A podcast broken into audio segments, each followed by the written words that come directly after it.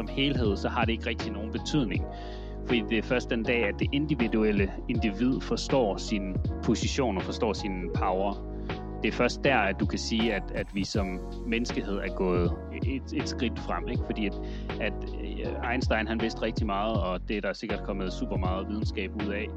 Men, øh, men det har jo ikke gjort en fremskridt rent bevidsthedsmæssigt nødvendigvis for herre og fru Danmark. Der, der er garanteret været nogle teknologiske ting, som har gjort det nemmere at leve, eller whatever. Det er sådan lidt, det, altså, der er, der er os, men der er også alle andre, og alle andre er dig, og, alle, og du er alle andre. Det er, lidt, det er lidt den udvikling, som vi skal frem til at forstå, fordi så vil du have sådan en ting som, at, at vi forstår, de har samme værdi, som vi har. Det vil komme helt naturligt.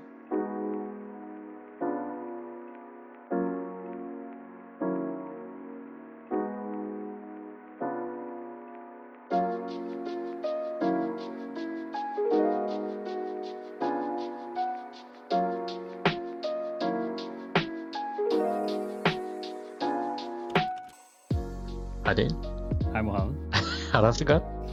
Jeg har haft det uh, udmærket.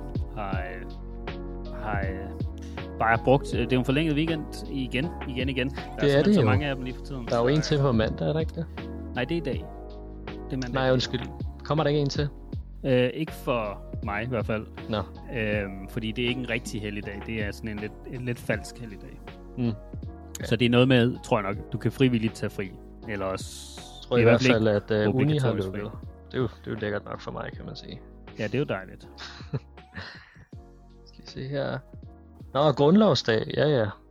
Ja, Så det, det, det, det, det, det, er, det er sådan lidt en, en, en feriedag, vi ikke rigtig vil kendes ved. Eller også er den blevet fjernet for, for år siden. Det, jeg ved det ikke. det gør det jo hele tiden. Ja, det er det. Så nej, jeg har bare hygget mig og øh, gået Lækkert. ture med min, med min hund. Og så, nå jo, så har jeg, øh, jeg har holdt en 42 timers faste. Hold da I, op, det er fandme flot. Ja, Så er du øh, næsten øh, så er du meget tæt på at være lige så god som min bedstemor. Hun lavede seriøst en 3-dages faste. ja, 72 Det er helt vildt. timer. Ikke alder, jeg ved ikke, hvor gammel hun er. hun er faktisk ved at være så gammel, tror jeg. Nå, Det er ja. ret sjovt. De antal timer, hun har lavet, det, det er også det antal år, hun er gammel. Den har slet ikke set. Øhm, men det er jo pisse godt for hende, altså fordi Ja. at der, er jo, der er jo virkelig mange gode fordele ved at, øhm, altså helbredsmæssigt, specielt i den alder der, fordi nu ved jeg ikke, hvordan din øh, bedstemor har levet sit liv, men når man når den alder, så er der jo rigtig meget, som man har indtaget igennem tiden øh, Yes. sin krop, som man ikke nødvendigvis har fået renset ud på en ordentlig måde. Så Mm. at tage de der 72 timer faste, det er exceptionelt godt, og, Det er og det. virkelig uh, specielt i den alder. Men, men jeg, jeg synes, øh, fordi min plan var faktisk, at jeg også ville tage de der 72 timer. Mm. Og, øh, men det er første gang, jeg tager så lang en faste, så øh, jeg kom på 24 timer, og efter 24 timer, der besluttede jeg mig for, fordi så var min, det er fordi min normale rutine, det er jo 18 timer om dagen. Mm. Så det er fra 18 om aftenen til 12 Ah. middagen næste dag, ikke? Så du har allerede rykket dig siden sidst, vi snakkede? Fordi der var det 8-16, var det ikke det?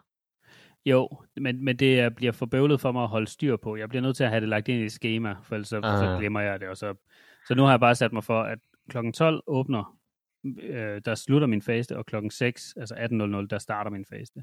Så har jeg Mm. 6 timer i løbet af dagen, hvor jeg så kan spise, og så resten af tiden, der faster jeg så. Har du ændret det der, vi snakkede om sidste gang med, at for kroppens synsvinkel, så spiser du stadigvæk, når du fordøjer? Hvad?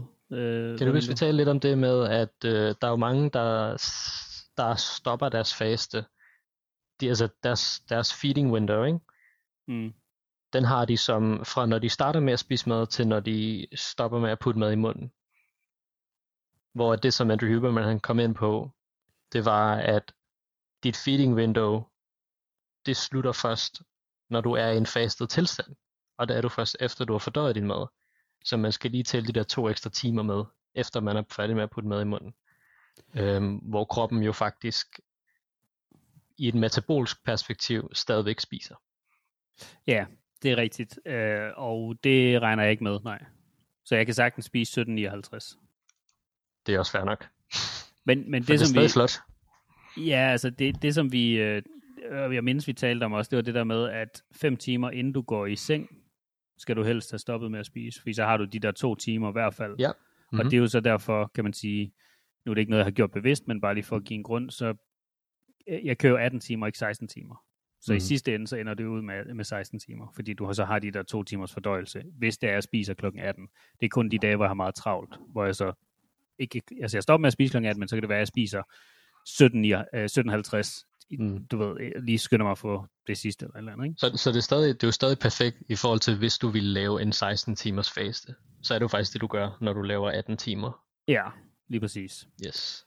Øh, men så øh, har jeg, jeg nu har jeg trænet mig lidt op, så nu er det sådan, den rutine er egentlig på plads for mig. Der er ikke så meget, det, det, det er ikke noget, der sådan svejer så meget, eller svinger så meget. Mhm. Så, øh, og så var min plan, at jeg ville have enten en eller to gange om måneden. Jeg skal lige finde ud af, hvad der er hvad. Øh, men to gange kan være, det bliver for meget, for det er hver anden uge. Så jeg skal lige finde ud af, hvad det er. Men, men 72 timers faste, i hvert fald en gang om måneden. Og, øh, og det var så det, jeg skulle prøve her i weekenden. Øh, og så der nåede de 24 timer, der besluttede mig for, at en god start for mig vil nok være at, at prøve med, med 42 timer, fordi at så passede det med, at jeg stoppede med, fredag aften stoppede jeg med at spise klokken 18, så fastede jeg hele lørdag, og så søndag klokken 12 først begyndte jeg at spise igen. Fordi ellers så var min faste faktisk, hvis jeg skulle have kørt med 24 timer, så var min faste færdig klokken 18 lørdag aften.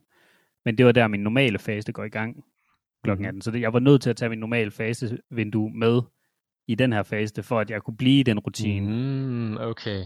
Ja, så det er derfor, det blev til 12 om søndagen i stedet for. Ja. Ja. Øh, og så, øh, så, så ja, det gjorde jeg, og så, øh, så tror jeg, så søndag klokken 12, øh, jeg var meget sulten til sidst. Øh, og jeg nåede aldrig rigtig ind i sådan en, et sted, hvor, at, hvor jeg ikke var sulten. Så det var egentlig bare konstant sult. Nå, så du oplevede den der ting, jeg normalt oplever med, når vi bliver sulten, så bliver du bare mere og mere og mere sulten. Du får det der dyk igen. Ja, men jeg, la- altså, jeg læser mærke til nogle andre fede ting, og det, altså, i forhold til sult, så er det jo noget, som man kan, eller det lader jeg mærke til, jeg kunne i hvert fald øhm, få min hjerne væk fra den tanke, så ved at, Mm. at beskæftige mig med nogle andre ting, og prøve at fokusere på nogle andre ting, så, så, Mm-hmm. så glemte jeg egentlig, at jeg var sulten, og det var egentlig den bedste måde at komme igennem det på. Ja. Øhm, men, men det, der egentlig er meget fascinerende ved det, det er, at du går igennem nogle stadier. Når du kører de her, nu kørte jeg altså 42, næste gang skal jeg køre 72, du går igennem nogle stadier øh, i din faste, som er meget tydelige i forhold til din krops, øh, altså hvordan du føler i kroppen, og hvordan du har det og sådan nogle ting. Og et stort problem for mig har altid været, eller ikke altid, men i hvert fald de senere år, det har været, at, at min næse stopper til. Så i, i, i løbet af dagen, for eksempel, så stopper den til, og det er ikke fordi, at, at jeg er snottet eller noget, men det er slimhænderne inde i næseborene, øh, som, som svulmer op, tror jeg, og så stopper det min næse til, så jeg har svært ved nogle gange at trække vejret gennem næsen, og det er en af de ting, jeg hader allermest, det er, at jeg skal trække vejret gennem munden. Øh, men jeg tror på, var det 12. time eller sådan et eller andet, der, der forsvandt det fuldstændig og kom ikke tilbage, så der var bare fuld, fuld gennemtræk øh, resten, af, resten af fastetiden, og det er jo fordi, at, at jeg så i løbet af, når jeg så spiser normalt, så i løbet af dagen, så får jeg nogle ting, som jeg måske er en lille smule allergisk overfor, som gør, at, at de her slimhænder så svulmer op. Øh, fordi ved ikke at spise noget, så er der jo ikke noget, der kan være, du kan være allergisk overfor. Så Mm. du ved, er det ikke noget, din krop kan reagere på. lige præcis. Så, så det renser ud. Nu har jeg så er taget nogle... pollenallergi. Jamen, det har jeg ikke. Nej. Øh, men, men øhm, så jeg, jeg, jeg, har, jeg har testet nogle forskellige ting af i forhold til, hvad jeg tror, det kan være. Jeg tror, at det, jeg er kommet frem til nu, det er sådan noget som hvid brød. Så jeg ved ikke, om det er en Ja. form for hvede. Øh, der var nogen, der sagde, at det kunne være gluten, ja. Ja. Uh, så, så det, men det er sådan nogle test, jeg går og laver for at prøve, og så tager jeg nogle dage, hvor jeg slet ikke spiser noget med gluten i, så er det kun frugt og grønt.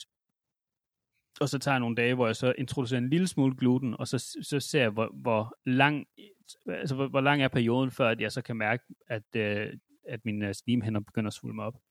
Men jeg har også Mm. lagt mærke til det, for eksempel hvis jeg drikker øl. Med øl, øh, lige med det samme, så begynder min næse bare at stoppe til. Okay. Og, øhm, men og det, der er faktisk er underligt, det er, at med, med specifikke vandmærker, altså du ved, du er sådan noget som Ekilde og Aquador og sådan nogle forskellige mærker. ikke? Alle hovedpinevandmærkerne.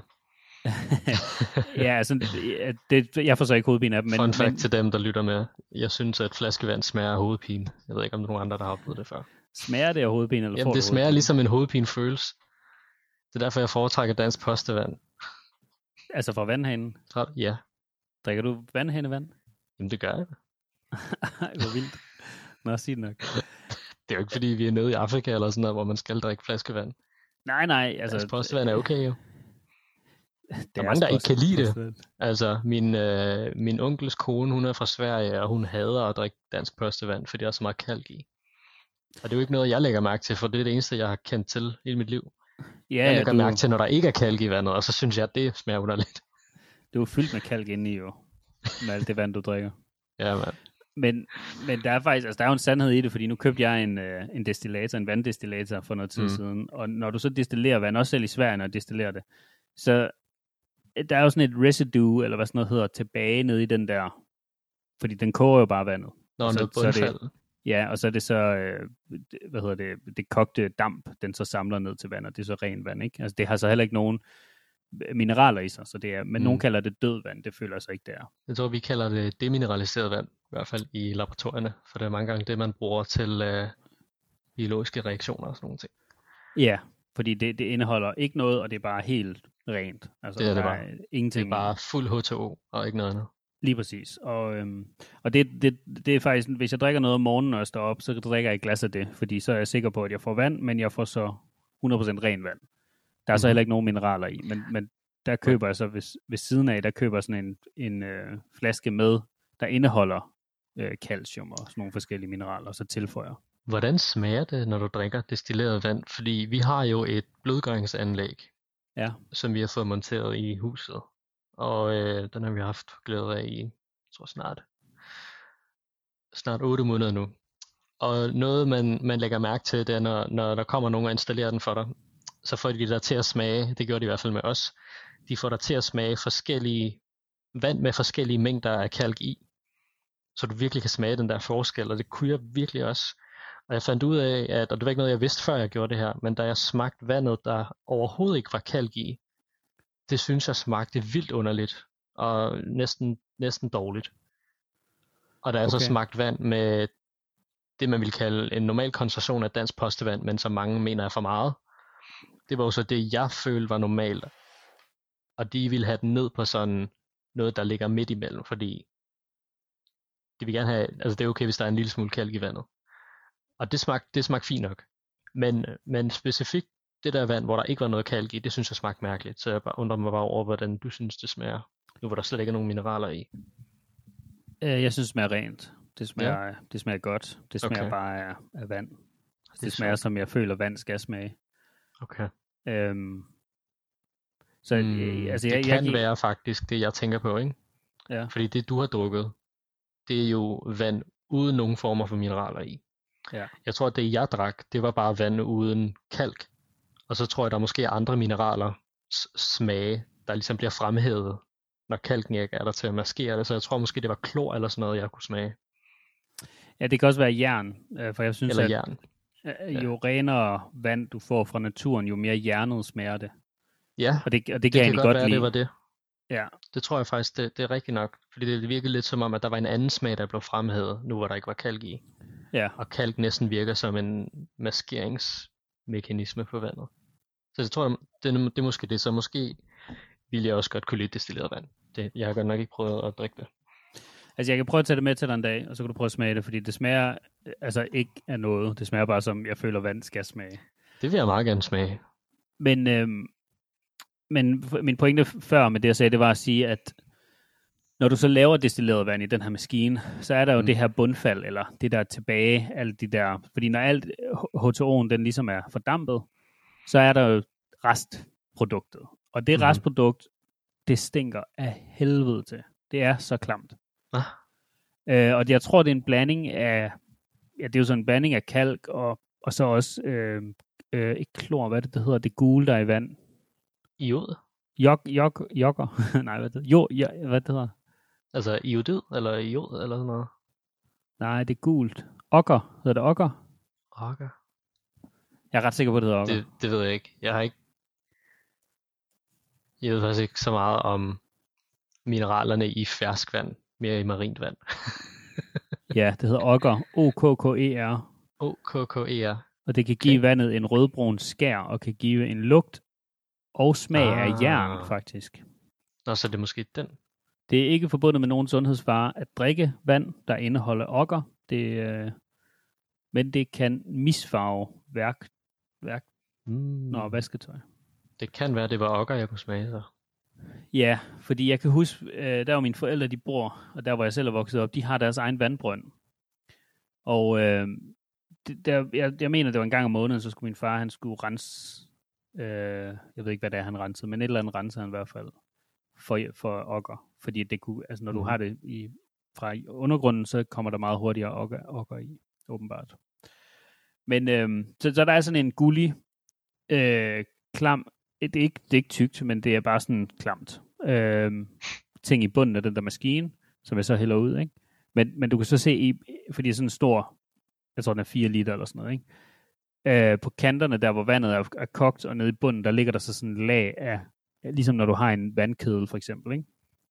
Oh ja. Og det er jo koldt. Sær i Danmark. Ja. Der skal man virkelig hælde eddike ned i. Ja, jeg har så sådan et andet produkt, som jeg bruger til at rense de der ting med, men, men, øh, men det er jo kalken, der sidder tilbage der, og så det gule, det er jo så de ting, hvis du for eksempel var i USA, så var der være en masse andre ting tilføjet i, i, i vandet derover. Men, øh, men det er simpelthen det, som du undgår at få i din krop, ved at du distillerer det. Så den proces, som jeg synes er smart, og det er også derfor, jeg gør det, det er at distillere det, og så tilføje rene, øh, hvad hedder det, mineraler til vandet. Fordi det vand, du så får, så undgår du alle de kemikalier, hvis der er kemikalier i, alle de ting, som kommer ind, altså ved okker, ved kalk, det undgår du at få i dit vand, og så tilføjer du ren, 100% god mineraler. Så din krop ikke bliver introduceret for alt det beskidte i vandet, som den alligevel ikke har brug for, som kan være med til at kalde din krop op, som kan skabe alle mulige former for inflammation og sygdom og sådan noget. Mm. Okay. Så, så det, det kan godt være, at man fjerner alle mineralerne fra det vand, du drikker, men du tilføjer mineralerne tilbage. Ja. På en, hvis jeg, øh, med, hvis med, jeg... med piller, eller med? Nej, det er en væske. Det er en væske. Ja. Du drikker jo også Athletic Greens, gør du ikke Jo. Der får du nok også meget af det, du skal bruge. Ja, men det er netop derfor, at jeg ikke, lige nu er jeg ikke så bekymret for det her med destilleret vand, fordi det første, jeg gør om morgenen, eller ikke det første, jeg gør, men en af de ting, jeg gør inden for de første to timer, når jeg stopper, det er at drikke et glas vand, og destilleret vand, uden noget i. Heller ikke mm. mineraler. Og så laver jeg min, min shake øh, med alt, der er jo både Athletic Greens og Lions Mane og ashwagandha og alt muligt godt i. Øh, og så en masse mm. frugter, og øh, det blender jeg, og derigennem får jeg jo de mineraler, som jeg skal bruge til det meste af dagen. Blender du ashwagandha og lion's mane mushroom sammen med dine athletic greens og laver til en super drink? Jeg laver, ja, jeg laver en super, øh, jeg kalder det min, øh, min morgen elixir. det er rigtig Selvom, alkemi, alkemi vibes over det. Så er du så sådan der med, med en kæmpe stor sort gryde og en skier bare. Ej, jeg er jo ikke en heks. Men jeg er hvis, lidt, du, hvis du drikker elixir, så er du en heks. Jeg er lidt en wizard, vil jeg sige. Men øh, nu kan du få opskriften, og jeg vil råde alle til at gøre det her, fordi det er super godt, og det starter din ja. dag perfekt. Men jeg starter med, og øh, jeg juicer tre, øh, fire æbler, og så en hel øh, citron. Citron er mest bare for smag egentlig, fordi der er ikke, er C, hvis du gerne vil have C-vitamin, så er der ikke super meget C-vitamin i citron. Det tror man, men der er der ikke. Der er mere i lime, mm. men lime giver ikke særlig meget saft, når du juicer det. Så, mm-hmm. så det er mest for smagen. Hvis du vil have en frugt, der har rigtig meget C-vitamin, så er faktisk rød peber er det, der indeholder mest C-vitamin af alle de frugter, vi kan få i Danmark. Frugt og grønt. Hvad med sådan noget som uh, grebfrugt? Grebfrugt er også godt, men det holder, indeholder ikke lige så meget som, uh, som Peberfrugt indeholder peberfrugt. mere? Ja. Det er sjovt, fordi man, man tror altid, at citrusfrugterne er dem, der har mest, ikke? Jo, og det er det bare ikke. Det Nej, er, ej, det, det, er ret, det er ret sjovt. Så. Men citron, det uh, putter jeg i mest bare for smag, for jeg kan godt lide smagen af citron om morgenen. Ja. Og så, øhm, så putter jeg noget ingefær i, blender det også, eller hvad hedder det, ikke blender det, juicer det.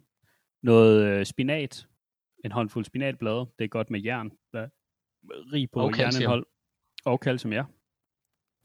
Og så øh, putter jeg en halv avocado i, og, øh, uh.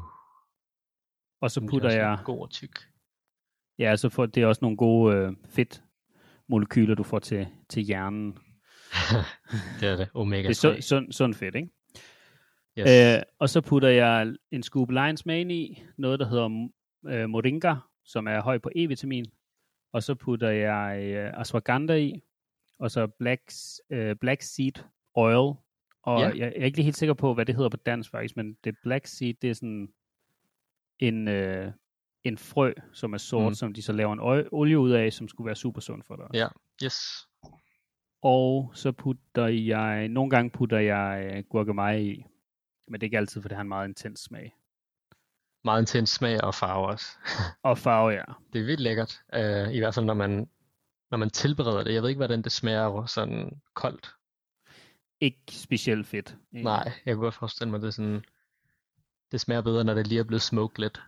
Ja. Det, der, det der black seed, jeg er rimelig sikker på, at vi bruger det meget i indisk madlavning. Men jeg kender det kun Ja. ja. ved det indiske navn, så jeg vil lige prøve at se, om jeg kan finde ud af, om det er det samme. Altså det har øhm, generelt olie, synes jeg har en, en fantastisk egenskab. Så jeg kan godt lide at bruge det til, til forskellige ting. Yes, det er den samme ting, som jeg tænker på. Det hedder galonji på, øh, Galonji. på hindi i hvert fald. Og det går også under navnet nigella eller black seed. Ja, Black Seed. Hvad, hvad, du ved, hvad det hedder på dansk? Nej, Nej, okay. Øh, jeg har vi på ud af indisk. det tænker nok, vi er lidt flere engelsk. danske lyttere. Men altså, hvis vi begyndte at lave podcast på indisk, ikke også, så ville vi jo lige pludselig have en milliard potentielle lyttere. Men så vil det jo... Altså, jeg kan ikke indisk, så det vil kun Nej. være dig, der sidder og Så er der og bare mig, der taler, og så kan du sidde og nikke, og det kan man ikke engang se, fordi det er en podcast. Ja, lige præcis. Øhm, spidskommenfrø, Spidskommen, okay. Det havde jeg ikke Ja. regnet med. eller sortkommen, kalder man det også. Okay. Det er... Det, det har jeg lyst til at lave en joke nu, men det tror jeg, det være. øhm, ja, så, men det er super godt og pisse sundt. Så, Mm. øhm, så mixer jeg, blender, blender jeg det hele sammen, putter det op i sådan en shake, og så går jeg og drikker det. Drikker halvdelen i en slurk til at starte med. Det der Og så laver jeg- sortkommen der, ja. er bedre end det hvide.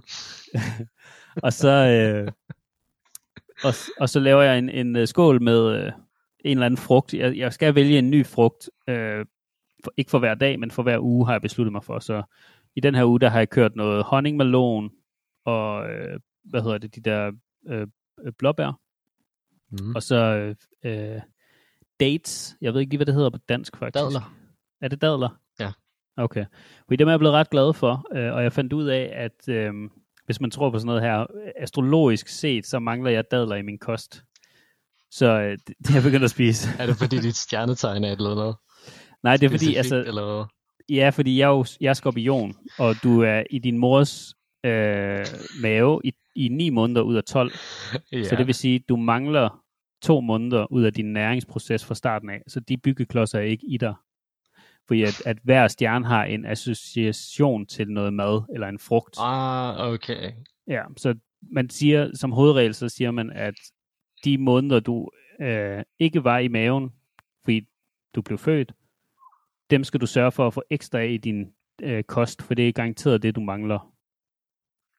Fordi alle mangler jo ikke det samme. Nogen har lavt hjerneindhold, nogen har lavt øh, C-vitamin, D-vitamin, så videre, så videre. Ja. Øh, og som regel, så er der sådan en korrelation imellem de to måneder, du blev, altså, i, du ikke Har var i du- maven, og så det mad, du så skal spise. Har du overvejet at lave sådan en blodprøve, for at se, om der er nogle ting, du mangler? Ja, Det har jeg også lidt. Fordi der er Ja. mange ting, man kan mangle, uden man rigtig er klar over det. Og så er det måske meget dejligt Ja. lige at have nogle tal på det, bare lige så man kan sige, okay, måske skal jeg spise lidt mere af det her, eller... Ja. Altså, jeg tror, man kan få det hos sin læge. Jeg, er ikke, jeg ved det ikke. Jeg har ikke undersøgt det mere, faktisk. Jamen, jeg tror også, det, det burde være ret nemt. Jeg tror også, man kan købe sådan nogle home kits, hvor man selv kan analysere det, men det er nok lidt nemmere at få det gjort på et hospital. For der er Jeg nok fik- mange ting, man skal, man skal teste. Ja, jeg tror, de tester for alt. Men, Mm. men jeg fik lavet en, øh, en... Men det var ikke en blodtest. Det var sådan i, i et fitnesscenter på et tidspunkt. Der havde de sådan en maskine, man skulle stille sig op på med bare fødder. Så står du på maskinen, og så læser den et eller andet i dine fødder, og så giver den dig en estimat af øh, Ja. noget med proteinindhold, mener jeg, og sådan nogle forskellige ting, men også din, din alder i forhold til din krops bla bla bla. Så du fik sådan en hel, Sådan din fedtprocent og sådan noget, kunne den også godt finde ud af. ja lige præcis, og så Ja. kunne du så øh, lave en diæt ud fra, fra den af. Uh, hvilket jeg synes var ret vildt faktisk, at, at du bare kan stå på den, og så måler den et eller andet i dine fødder. Ja, Det det er er ret sejt. Det lyder ikke næsten huske, for godt til at være sandt. Men altså, åbenbart så virker det. Jamen, der må jo være et eller andet i fødderne også. Du kan jo, de siger jo også, at ved at du masserer nogle specifikke områder af din fod, så, kan, så har det en, en direkte kollision mellem dine, dine organer. Så hvis du Ja. har... Det må i være sådan noget, som akupunktur også er baseret på, ikke? Jo, jo. Det med, der er, det sådan nogle specifikke steder i kroppen, man kan stimulere, for så at sætte gang i nogle andre processer i kroppen, som man ikke normalt ville tro havde noget med det at gøre, men som åbenbart har en eller anden form for forbindelse. Om det så er fysiologisk eller åndeligt, det kan man så debattere. Jeg har ikke sat mig så meget ind i, hvordan det fungerer, men jeg synes, det er meget spændende, især fordi, at det virker til at være ret udbredt. Jeg jeg ved i hvert fald, det, det er meget stort i Kina.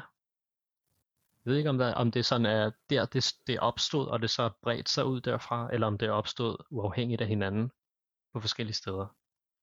Altså akupunktur? Ja, Ja, det skal jeg ikke kunne sige. Men du kan jo mærke det, når du, hvis du for eksempel tager dine sko af, og så går øh, ude med bare fødder, så kan du jo mærke, det har jeg i hvert fald ikke mærke til, at, at så kan du jo mærke, hvordan dine organer bliver påvirket, alt efter om, hvor, hvis du træder på en gren, eller du træder på en sten, eller et eller andet, så kan du mærke det helt ind i kroppen. Har du aldrig ikke mærke til det? mm, nu går jeg jo ikke så tit bare fod, men jeg har godt hørt, at det skulle være sundt for fødderne. Øh, men det kunne godt have noget med det at gøre også. Men prøv at gøre det, fordi nu er det godt vejr, så nu kan du gøre det, så Det prøv, kan man. prøv at Ja. gøre det, og så prøv, ikke, prøv også at lægge mærke til din, specielt i din torso. okay, det er så også det eneste sted, vi har organer, ikke? Men altså undtale vores kønsorganer. Jamen, de sidder uden på kroppen, jo. Ikke hos alle. Nå, men så sidder de også i torsoen, okay, men nu tænker jeg mere på, hvis du skulle mærke det. Ja, ja, ja. Jamen, jeg har dem ude på kroppen, yes. Hvis det ja. Uh, men prøv at gøre det, uh, når vi er færdige her, fordi du kan virkelig mærke det, hvordan så, ui, så kan du lige, så rammer du lige en nyre, eller så er det lige milten, der bliver, så bliver du lige kildet lidt i milten. Det er meget sjovt. Ej, hvor sjovt. Ej, vent. Jo. Måske har jeg oplevet det før. Det ved jeg ikke. Nej. Der er Altså, også, det, det, det, der er mange ting, der sådan får det til at kilde i maven også. Ja. Ej, har du også prøvet den der ting, hvor du sådan banker din albue ind i en eller anden kant, og så ryster hele din krop? Ja, det er Ja. sjovt. Det er ikke sjovt. Det Synes du ikke? føles ligesom, øh, Det er sjovt. det føles ligesom den måde, skærmene plejede at se ud, da der ikke var nogen forbindelse til udsendelsen. Så er det så, der white noise der. så noget myre, myrefest, eller hvad det hed? Ja, er det det, man kalder det?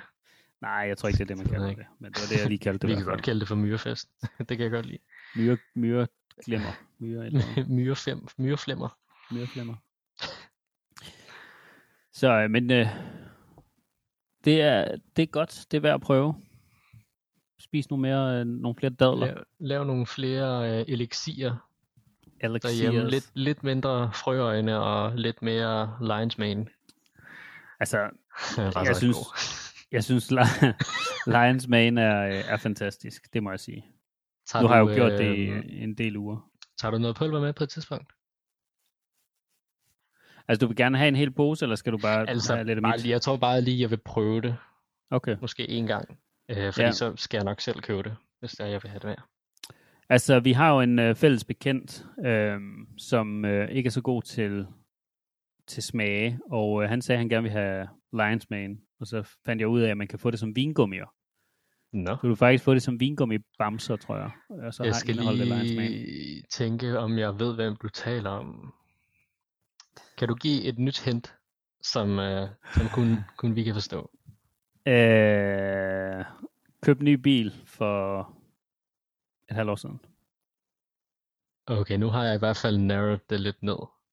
Ja. Øh, en ting mere, så ved jeg, hvem det er. Det er ligesom, hvem er hvem det her. En del af det, vi kalder familien. Nå, det var sødt. Ja. Ja, jeg ved ikke, hvem du taler om, men okay. okay. Det er også lige meget. Men min pointe var bare at sige, at øhm, man kan få det som vingummi bamser. Ej, hvor sejt. Ja, så Men- hvis man ikke er så god til, fordi det har en, altså det har en smag, og det er ikke fordi det er en grim smag overhovedet, men det er en smag, som du ikke får i en Haribo-pose. Og hvis mm. det er Mm. den eneste smag, man synes er god, så skal man ikke tage det som pulver. Hvad smager vingummien så af? Ja, vingummi gået fra. Så det kan være alle mulige smage. Ja, det er vel sådan Grøn en, og rød smag, jordbær. hvad end det er. Ja, ja, sådan noget børne noget. Jamen, jeg ved ikke, hver gang jeg spiser vingummi, så synes jeg altid, at de smager af det samme. Det er bare forskellige farver, men det kan godt være, at de har forskellige smage. I don't know. Jeg tror, de har forskellige smag. Jeg tror, det er det farven ligesom ind, øh, hvad hedder det? Anta- antyder. Ja. Sådan så rød, det må være noget bær, og grønt, det kan være noget æble. Ja, det Det- er æblepære, gul er sikkert banan, eller... M&M's, de har ikke det samme, føler jeg. Det er bare farve. Det er bare chokolade inde i, og så det udenpå, det smager ikke rigtig af noget. Tror jeg. Ja, det må vi, øh, det må vi prøve en dag. Jeg ved, der skal det. Jeg Ja. køber en hel masse slik. Jeg vil jo selvfølgelig ikke ødelægge din kost nu, hvor du har brugt så meget energi og tid på at gøre den øh, sundere. Nej, det har Øhm, virkelig været... Øh, det har virkelig været, jeg vil ikke sige, det, har, det er ikke en kamp, fordi det er, faktisk, det er kommet meget naturligt til mig, men det har været en, det har været en rigtig sjov oplevelse. Ja. Og, øh, at lægge min kost om, og gå ind i det her med at faste, og prøve at se, hvad, hvad sker der egentlig med min krop, og altså følelsen, jeg har i kroppen, specielt ved fasten, føler jeg, har været ekstrem positiv. Altså sådan Mm. virkelig positiv, og jeg har tabt mig rigtig meget. Øh, og det eneste, jeg måler på, for jeg har ikke nogen vægt, det er mit bælte. Så jeg, det, jeg er det er gået i ind... virkeligheden også meget bedre, fordi selvom du stiger i muskelmasse, så kan du stadigvæk se det på billedet, at du har tabt dig. Det kan Ja. du ikke på en vægt. Der føler jeg altid, det er lidt misvisende. Også fordi det kommer an på, hvornår på dagen du, må, øh, du måler dig på vægten. Fordi om morgenen, der er du altid tyndere, eller Ja. du har altid tabt dig i løbet af natten. Det har du. Og så går der en time, spiser morgenmad, og så vejer du bare dobbelt så meget, som du gjorde dagen før, ikke? Så jeg, jeg synes, Hvor det er sådan... spiser du lige til morgenmad? har du set The Rocks morgenmad, cheat day morgenmad? Nej. Altså det er jo helt vildt. Han spiser øh, sådan tre stakker med pandekager, smør og maple syrup ovenpå, og så spiser han sådan en helt, helt øh, fad brownie og cookies, og, og det, det er bare noget af det. Så spiser han sådan pizzaer i flertal. Til morgenmad, eller hvad? Jamen altså det var så morgenmad det søde der, tror jeg, og så nu ser jeg bare sådan hele dagen. Nå. Og så er der også pizza og lasagne, og du er nødt til næsten at se det. Men altså, Det han lever ikke særlig sundt, eller hvad? Han spiser bare, hvad han vil. Jamen det er hans, på hans cheat day kun. Nå, okay. Så en dag om ugen, der spiser han virkelig, virkelig usundt. Det er nok alle de fristelser, han har haft gennem ugen, dem øh, tilfredsstiller han på den samme dag. Ja, ja. Okay. Jeg ved ikke lige, hvor sundt det er, men altså, han ser jo, han ser jo meget rask ud. Hvis man vil Det- anse det som at være rask, så han er jo bare en muskelbund. Ja, jeg synes ikke, Jeg tror ikke, det er det, du går rask. efter, vel? Nej, nej, nej, nej. Jeg, vil jamen, jeg, lean. Altså, jeg er slet ikke ude på at opbygge, musk- opbygge muskler overhovedet. Det har slet ikke Mm. været mit fokus. Mit fokus har bare været, hvis jeg skal være helt ærlig, så er mit fokus at forebygge sygdomme. Mm, Det er det eneste, jeg er fokuseret på, fordi right. vi bliver alle sammen ældre, og det gør jeg også. Og med tiden, så er der større risiko for, at man har introduceret nok øh, hvad hedder sådan noget, negative ting, som kan påvirke din krop til at udvikle inflammationer og udvikle sygdomme, som kan føre til sygdomme, Mm. mm. som faktisk kan være dødbringende i sidste ende, hvis man ikke gør noget ved det. Og vi, øh, Yes vi kommer ud af, af naturen, så derfor tror jeg på, at der er nogle ting i naturen, som vi skal have mere af, og hvis vi så bare øh, ikke er bange for at prøve nogle ting af, som nødvendigvis ikke står i en videnskabsbog, så, øh, så er der faktisk rigtig, rigtig fine ting, som gør, at man kan forebygge de her øh, meget, meget traditionelle sygdomme, som er aldersbestemt i vores, øh, i vores øh, hverdag. Men det behøver det ikke være. Og noget, som virker absolut klart nu, det er, at forebyggelse, det er markant bedre end øhm, behandling. meget bedre. Altså, der er ikke nogen... Jeg vil, og det er kun mig, der har den her holdning, vil jeg lige sige. Det er ikke Mohammed, det er kun mig. Jeg har ingen tillid til den moderne medicinske verden, når det kommer til at helbrede folk. Jeg har ingen tillid. Mm. Øhm, så derfor føler jeg, at der er, en, der er et stort potentiale i, at man forebygger de her sygdomme, og, og sætter sig ind i, hvad er, hvad, hvad er de, hvad gør de, og hvad er årsagen til, at vi får dem, og hvordan kan vi undgå at få dem. Og det kan vi altså ved at gøre nogle meget, meget simple ting, ved at omlægge vores diæt, ved at omlægge vores rutiner. Sådan nogle helt basics ting, som kan være med til at sikre, at, at, vi, øh, at vi er sunde og raske, også når vi bliver gamle. Ja. Og også prøve at eksperimentere lidt og se, hvad der virker for dig. Det er det. For det er det, ja. vi også har fundet ud af, det er, at det er meget individuelt, hvad der er en sund kost. Øhm, og det, det er der ikke nogen professionel, der kan fortælle dig i sidste ende. Det er op til dig at lytte til din krop og hvad den fortæller dig. Ja. Du kan selvfølgelig godt spørge om hjælp, men det er også lidt dit ansvar at, øh, at være din egen hjælp.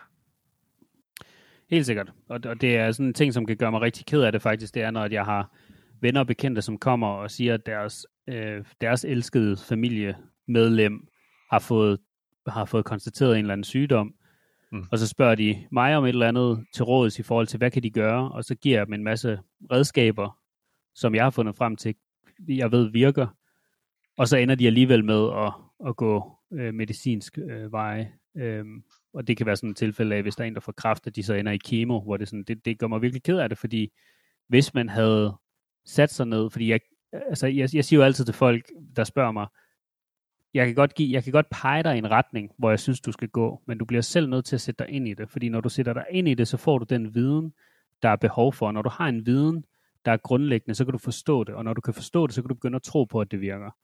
Ellers så, så har man ikke nogen jordisk chance for at tro på det, så er det bare en, der har sagt noget engang.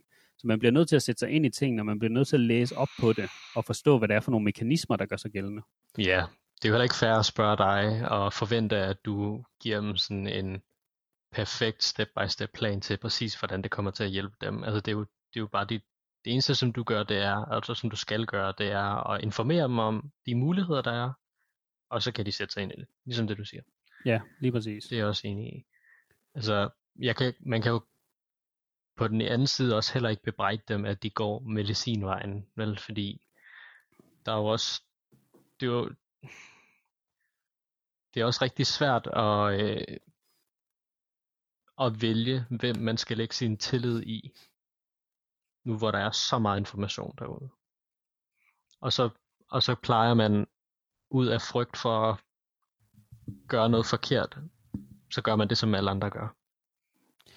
Jamen, og det, og det, for... og det er ærgerligt.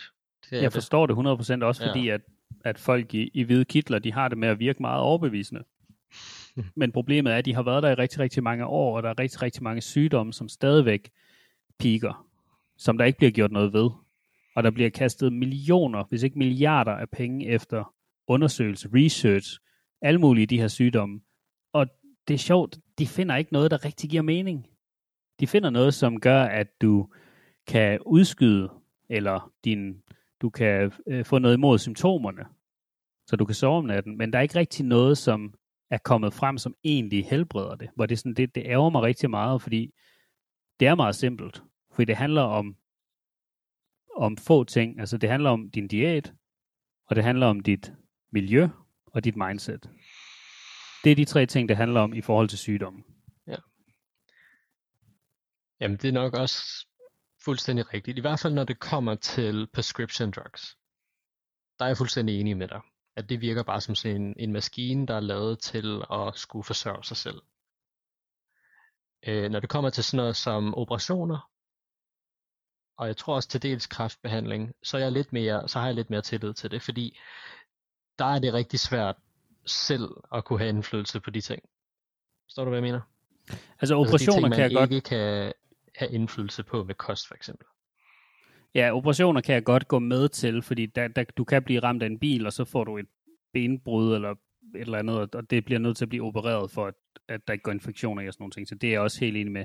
Dog vil jeg sige, at der er det, der hedder remedies i forhold til også den slags. Men hvis, du, hvis vi tager sådan en sygdom som kræft for eksempel, så, har jeg, så, så er jeg, altså, jeg, jeg er slet ikke i tvivl overhovedet. Jeg ved, at, at den kan man kalde det, den konventionelle øh, medicin, er ikke tilstrækkelig i forhold til at helbrede det, men der findes naturlige øh, kurer, man kan tage. Der findes forskellige naturlige ting, som man kan tage, som har en 100% hitrate i forhold til at helbrede den her sygdom. Og det er igen fordi, at hvis man sætter sig ind i, hvad en kræftcelle egentlig er, altså bare sådan en ting som fasting, der, der er jo seks stadier af faste, ikke? og en af stadierne, når du kommer op jeg kan ikke huske, hvor mange timer det er, men når du kommer op på en del timer i hvert fald, jeg tror, du skal op omkring de 60 timers fasting, så går din øh, krop ind og udskifter de, de, de, de celler, det er så primært proteinceller, men de celler, som øh, ligger i din krop, som egentlig er inaktive, de går ud og udskifter dem, så de destruerer dem, og så mm. laver de en ny til det sted. Øh, og det gør de med proteinceller, men det gør de også med kraftceller. Så bare det i sig selv at faste i x antal timer, og hvis, hvis der er nogen, der gerne vil vide præcis, hvor mange timer det er, så kan man undersøge det. Der er en masse video omkring det. Øhm, men bare sådan en ting som det, er med til at gøre, at, at kraft det, øh, at det kan gå i sig selv igen, ikke? Ja, og noget som vi også kom ind på sidst, det var jo det der med, at når du faster, så øger det også din koncentration af væksthormon i blodet. Og væksthormons funktion, det er ikke kun at give dig store muskler, eller få dig til at vokse. Det er at udskifte gammelt væv med nyt væv. Ja. Og det er jo, det er, det er jo også en stor del af det. Meget stor del af det. Øhm, man kan sige, en af, en af de grunde til, at kræft er så hyppigt i folk, der er gamle, der er ældre, det er fordi, at deres celler har gennemgået flere celledelinger. Og hver gang en celle gennemgår en celledeling, så kan der ske, så er der mulighed for at ske en fejl i den der replikation af DNA'et. Øhm, og det er det, der gør, at, at cellen bliver til en, en kraftcelle. Så man kan sige, jo flere gange cellen har delt sig, jo større chance er der for, at den akkumulerer de her mutationer, der kan gøre den til en kraftcelle. Så man kan sige, på den måde, så kunne væksthormon have en negativ indflydelse. Men det er bare noget, jeg, det, det er ikke noget, I skal hive mig op på. Øhm, det kan Men jeg... sagtens også være den anden ting, hvor at, at væksthormon faktisk har en positiv indflydelse og, og kan forebygge det. Det er bare de der ting med, at okay, du tager nogle konklusioner, og så får du dem til at prøve at give mening i det her billede.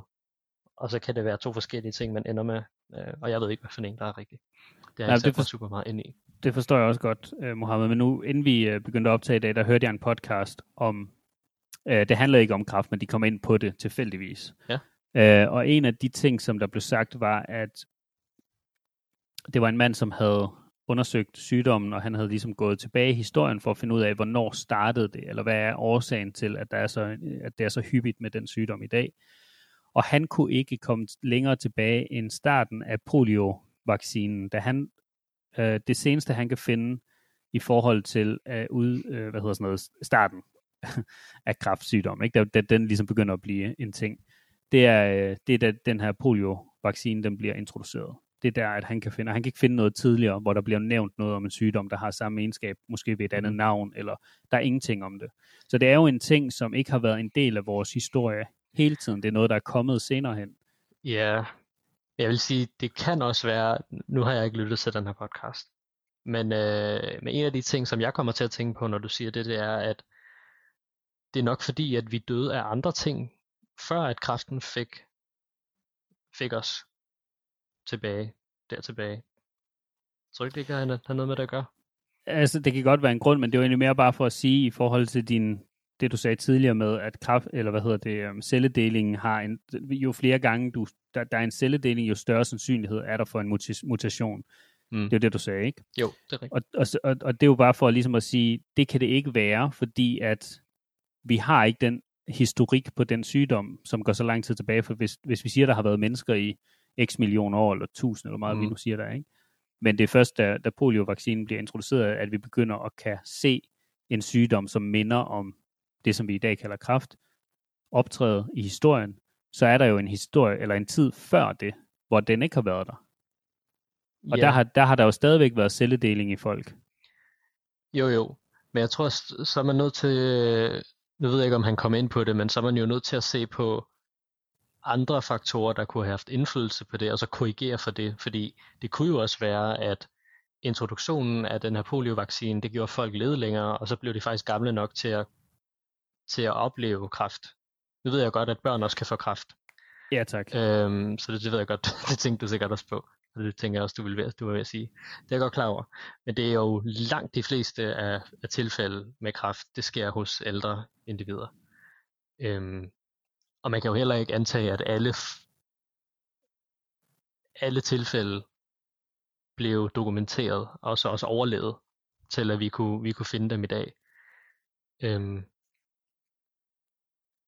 men det er da meget sjovt, at det lige var introduktion af, af poliovaccinen. Nu ved jeg ikke om, hvilke vacciner, der blev introduceret før og efter den eller om de alle sammen blev introduceret nogenlunde på samme tidspunkt. Det vil jeg faktisk gerne lige sætte mig Men- ind i. Var, var, ja, altså det, det ved jeg så heller ikke, må jeg lige indrømme. Men, men jeg mener, at poliovaccinen var en af de første, var det ikke? For det er den, der kommer fra koen. Jeg troede, det var den der... Øh, Ja, det er måske er det den, der var polio? Jeg troede, det var... Det ved jeg ikke. Hmm. Altså, øhm, Jeg kan godt huske det der med koen. Det var, hvor at der var en, øh, en mand, der havde en teori, og så ville han med vilje inficere en dreng med en eller anden sygdom, med det formål at lave vaccinen. ja, Og det, var- den tog simpelthen bare et sår fra en ko, og så puttede det ind i armen på en dreng. ja. Men jeg kan se her, poliovaccinen er... Cowpox hed det, smallpox. Det var- ja, jeg ja, tænkte også, at det var smallpox, de ja, røde hunde. præcis. Yes. Ja. Øh, og polio, det er fra 1950'erne. Og den Altså her, vaccinen, den er ikke? fra 1796. Ja, så der var en, en lang række vacciner før det. Men nu kan vi jo lige prøve at se. Øh,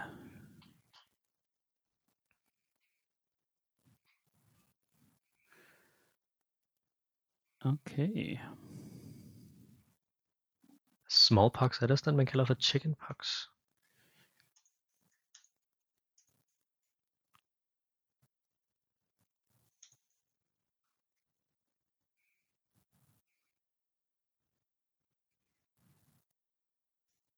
Nå, de er åbenbart to forskellige ting.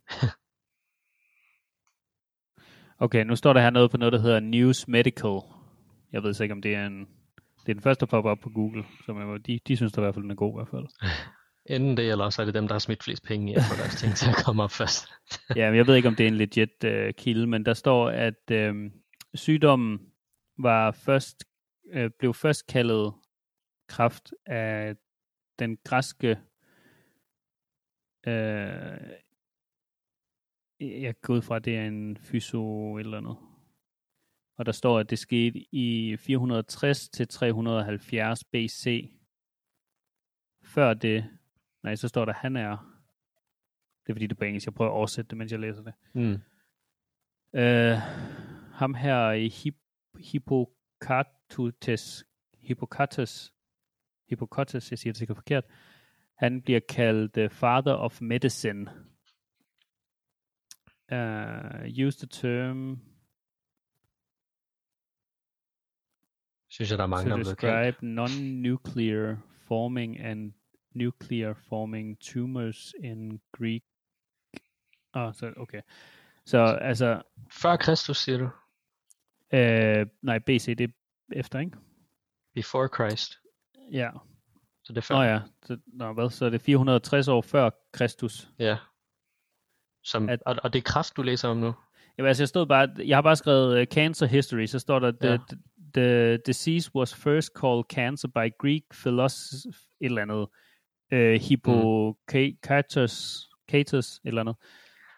Uh, 400, nå, men det er vist hans alder, tror jeg. Det er ikke der, hvor det er. Det, nu skriver de om ham. Det er meget dårlig kilde, det her.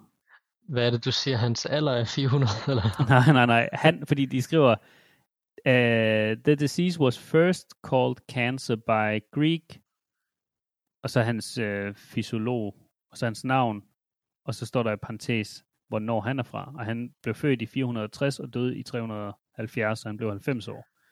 Ja, ja, men det er jo helt var før Kristus. Så Sygt, hvis han blev hvis det 90 er år rigtigt, hvis det er i- rigtigt, i før Kristus. Var der nogen, der blev 90 år før Jesus? Han blev kun 30 eller 33 eller sådan noget. det tror jeg, Det de fleste sygt. blev dengang, ærligt talt. 90 år? Nej, altså 30, 40. Ja, men det han blev blev meget 90. Ja, det er ret vildt. Han havde nok også lidt flere penge, tror jeg. Øhm, Det ved jeg ikke. men hvis det er rigtigt, så betyder det jo, at kræft var der længe før Ja, det, er det, poliovaccinen det, blev det, introduceret. det er det, den her siger. Ja, jamen, det, og det kan sagtens være. Øh, Det er jo, jeg, Den blev først kaldt kræft der. Det kan jo være, at den har jo sikkert eksisteret længere, men der var ikke haft et navn for det. Eller i hvert fald ikke cancer, har man ikke kaldt det før der. Øhm, Så nu er jeg på en ny side, der hedder The Cancer Atlas. okay. History of Cancer. Exploring a timeline of the history of cancer from 18th century BCE to 2011. Øh, 70-80 millioner år siden evidence of cancer cells in dinosaur fossils found in 2003. Oh, sejt. Det er bullshit jo. 2000 and... Det kommer an på, om det er, ja, altså det er jo lidt mærkeligt. Der burde ikke rigtig være celler tilbage af dinosaurerne. Det burde de alle sammen være fossileret og nedbrudt. Jeg ved, om det er sådan noget knoglemarv, eller det, der kan være, der kan, der er mulighed for, at der er dinosaurceller i permafrosten op i, i, arktisk, i den arktiske ring. Fordi der var også dinosaurer i, øh, i, øh, i de polare regioner. Øhm, altså, men selvfølgelig, det, det der var de polare regioner dengang, det er jo heller ikke det, der er de polare regioner i dag. Fordi det var noget med, at det var... Åh, hvornår var det? Jeg tror, det var Grønland plejede at ligge nede ved ekvator eller noget i den stil. For sådan 700 millioner år siden. Der, det, pladetektonik, det gør mig vildt forvirret. Fordi altså, det er svært nok at huske geografi nu. Men nu skal man også huske på, at det sådan har flyttet sig gennem jordens historie. Nå, hvor kom ja. vi til? et dot train der. Ja, men øh, jeg vil bare sige, at det, det, jeg kommer til at læse op nu, og lige har læst op, det er... Og det er igen, det er Daniel, der taler her. Det er ikke Mohammed. Jeg, jeg er sikker på, at det er bullshit, det her. Fordi at 70-80 millioner år siden er der beviser for kraftceller i øh, dinosaurfossiler. Og så er der også fra 4,2 millioner år siden til 3,9 millioner år. The oldest known tumor uh, was found in Homo erectus. ah. uh, or Astral Lo og så noget andet, som blev fandt i 1932. Så er der 3000 BCE. Det er så bef- before Christ. Hvad står E for? Emerges, eller hvad? BCE. Hvad before e for? Christ emergence. emergency. Cancer emergency.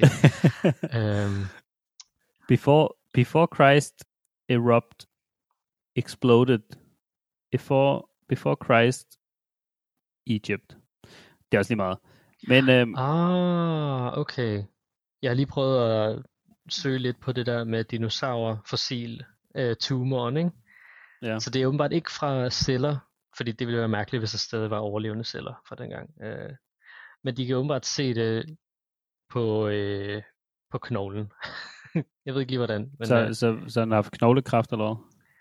Øh, ja, eller også så har tumoren været stor nok til at presse på knoglen eller noget. Jeg, ved, jeg har ikke læst det endnu. Jeg har bare lige set, at bare lige hurtigt, at det var på knoglen, at de har set det.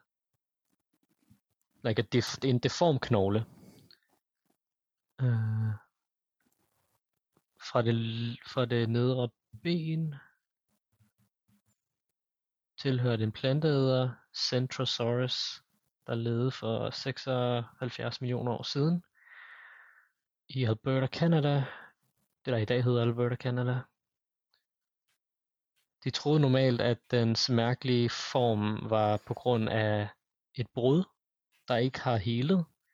Men en ny, et nyt studie, der blev udgivet i Lancet Oncology, sammenligner den interne struktur øhm, fra fossilet med en knogletumor fra en menneskelig patient.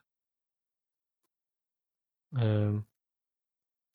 Så de har lige sammenlignet en, en dinosaur og et menneske og sagt, om det er en til en, så må det være det samme. Ja, men øh, lad mig lige se. Det virker i hvert fald til at være det. Nu læser lige videre. Og det er åbenbart normalt, det er åbenbart primært hos øh, unge og teenager, at knoglecancer finder sted i mennesker øh, I de lange knogler, som øh, lover og skinnebensknoglen. Altså, så de har jo de har set på, øh, på den tredimensionelle struktur af, af den her form. Øh, altså ikke, ikke knoglen i sig selv, men, men, øh, men det aftryk, som tumoren har lavet i knoglen. Og det er åbenbart meget, meget sammenlignelige. Så. Uh, yeah. Pathologist, surgeon, radiologist examined the full fossil with high resolution computerized tomography tomography scans, examine thin sections under the microscope to evaluate the structure of the cells. Jeg læser altid videnskab med en britisk accent, bare Uh, they found that the tumor was advanced enough that it had probably plagued the animal for some time. Similar case in human left untreated would likely be fatal, they write. Okay. Mm, Men, okay, så det er det, vi ved om det. I hvert fald øh, fra den her artikel, jeg har læst på science.org. ja, og jeg vil så lige sige, øh, at hvis der er nogen, som øh, har familiemedlemmer, som har den her sygdom, eller er gået bort på grund af sygdommen, så er det ikke det, vi taler om. Vi taler om historien af det, og hvornår det finder sted. For der er mange af de her ting, som jeg ikke kan acceptere. Jeg kan sagtens acceptere, at det er en legit ting, som findes derude, som slår folk ihjel, og det er Mhm. forfærdeligt. Og, øh, og, og det er også det, der gør mig ked af det, fordi at det er det, der burde... Hvis det, har, hvis det har eksisteret, som de skriver her, fra 70 millioner år siden, og vi selv den dag i dag ikke har noget, der kan helbrede det rigtigt,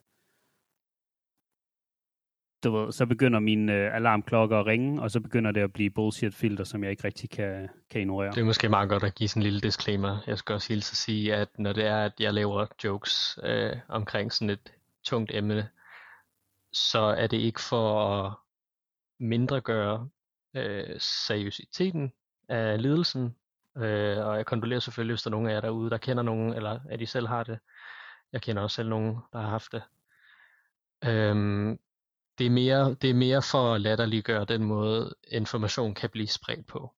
Det, det er der, humoren ligger i det, ikke i øh, den måde, den har påvirket menneskers liv på. Og beklager, hvis det er virkelig stødende. Øhm, det er ikke intentionen. Jeg håber selvfølgelig, at øh, vi kan fortsætte i god ro og orden. Det, det kan vi, for det er kun os lige nu, Mohammed. Ja. Så selvfølgelig kan vi det. Men det er rigtigt. Det er ikke for at støde nogen, at vi taler om det her. Øhm, men jeg vil egentlig gerne lige gå lidt tilbage til den her øh, tidslinje, for den er faktisk meget øh, irrelevant, men nu læser jeg den alligevel. Øh, fordi det er blevet fundet i Ægypten. Fandt vi nogensinde ud, hvad, ud af, hvad det der BCE det stod for? Nej, altså jeg gættede bare på, at det var emergence. Um, Jamen, jeg troede, det var det, du søge på. Common Error. Okay. Og det er error som E-R-A. Nå, Error. så, ja. altså, Common ja, så, er det, så er det kommet en fejl. Så en fælles fejl. så det er, det vil sige, det er før Kristus, og så den kommende fejl. Så det er den fejl, vi alle sammen har lavet, troede, at han levede. Men det er jo lidt det, det samme Common Error og Christ. Er det ikke det, at man siger, at kalenderen nogenlunde startede? Jo, jo, altså det var, det, altså det, nu spørger du mig om, altså fordi jeg, jeg, jeg synes Ja. jo, at det er noget, noget råd, det vi har, det vi har gang i her med den kalender, men, øhm, Ja, men jo, det er jo, vi er ja. jo 2023, så det er jo 2000 år siden, at Jesus blev født eller døde. Nej, det må være siden han blev født. Ja, altså i hvert fald, det, man kan sige, at han blev jo ikke særlig gammel, så det er sådan plus minus 30 år, eller hvor gammel han nu blev. Blev han ikke 33? Det, det ved jeg ikke. Det ved du nok mener bedre, end jeg. gør. Jeg har, Jeg jeg har mener, kun haft kristendom i folkeskolen, og jeg ved ikke, hvor meget jeg har lyttet. Jeg har tegnet meget i timerne. Okay. Men så var det 33, så, så får jeg den. øhm, så det er også fundet i Babylonian. Jeg troede faktisk, det var før Ægypten, men det er det så ikke, kan se på den her tidslinje. Så er det i, øh, vi er stadigvæk før Kristus, 400 år før Kristus, cirka 200 år, 3, så kom vi til 50 AD, og det er jo after Christ. Nej, nej, det kan det ikke være. Hvad står AD for? Det må være after, Så, altså, det er bare AD, der er ikke noget andet. ja. After death. det var også det, jeg så havde tænkt på. uh, det hedder Anno Domini, som er the Julian and Gregorian calendar, the system. Øh, så det er den europæiske og den kristne verdens stands for. Okay, så AD står for Anno Domini, latin for in the year of the Lord, while BC stands for before Christ. Så det er in the year of the Lord, så det er så mens han levede. Ja, jeg tror AD det er efter han døde. Nej, for det er jo, det er jo, øh, det er jo A- AD, ikke? Nej, AD. Det var F. Og vent lige. Mm,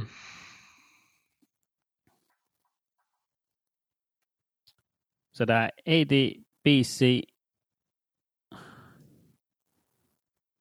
BC, AD, BCE og CE. Og og der var sådan en tidslinje, der vil jeg egentlig gerne lige se. Så BC er before Christ. Og Ja. BCE er before common era. mm-hmm. Og BP, det er before present. Og så er der AD, som er det der anno domini, som er in the year of the Lord. Og så er der CE, som er common era. Uh, ja, så det er dem, der er. Så der er to common era. Så, nej, der er before common era, og så er der before present, og så er der common era. mm. Og vi er i... Ja, det ved jeg så ikke. Vi må jo være i AD så. Altså, øhm, jeg tror det er sådan, at BCE og BC, det er det samme, altså i forhold til tal. Ja, det er så det det også. samme antal år. Og så AD, det er det samme tal minus 33 år, som var hans alder, ikke? Nej, fordi der står så her, at AD og CE er det samme. Så in the year of the Lord og common era er det samme. Og BC og BCE er det samme. Hvad sagde du, AD er det samme som? Øh, CE. Og Og CE hvad, er, jamen er C ikke også efter han er død? jamen det, det, sådan regner de det ikke ud, tror jeg. Fordi den siger altså, bare, BC og BCE, det er fra han, fra han var, og så, så regner du minus, eller så regner du bagud, ikke? Og så er Ja, der nulpunktet, som var Jesus, og så har du så AD og CE. Så vi er stadigvæk i CE gået fra. Ja, og så C og AD, det er det samme. Ja, så, Ja. ja. så Så I vi realiteten- C og vi er AD. ja, og det giver jo god nok mening, fordi Jesus har jo aldrig eksisteret, så AD er jo ikke in the year of the Lord, for han var der aldrig, så han er her jo stadigvæk, så at sige. Ja. Fordi han findes ikke. Det giver også mening, fordi det er before common error, og så er det bare common error. Så. Ja, lige præcis. Og så vi er AD, det er jo det er nok, det, det er bare det samme som common error. Så ja. Ja, eller, eller man kan også sige det, øh, de år, hvor kristendommen har styret verden, det er AD. Fordi Ja. de, det er jo stadig dem, Ja, der ja. styrer lortet. Det, det der, man kan sige, det må være, ja, det, det er det der. Ja, og det, det, er må jo, det være. Det er jo nogenlunde der, hvor han døde, fordi det var der, det virkelig fik fod under fejemøjet. Brugte jeg det rigtigt død, ikke? ja. Jeg elsker altså gamle danske ordsprog. ja, det han Der er fik sådan- fod under fejremål, det er rigtigt. Der er uler i mosen. det er en af mine favoritter. det skal åbenbart være noget dårligt, eller øh, der er ren mel i posen, eller ham der, han har ikke ren mel i posen. Ja, den har altid undret mig, for jeg, jeg, jeg har altid tænkt, at de, at de mente, at der så var coke i posen. At det var ikke ren tror du, øh, jeg tror næsten, at den talemåde blev oprettet før coke var, en, var et problem.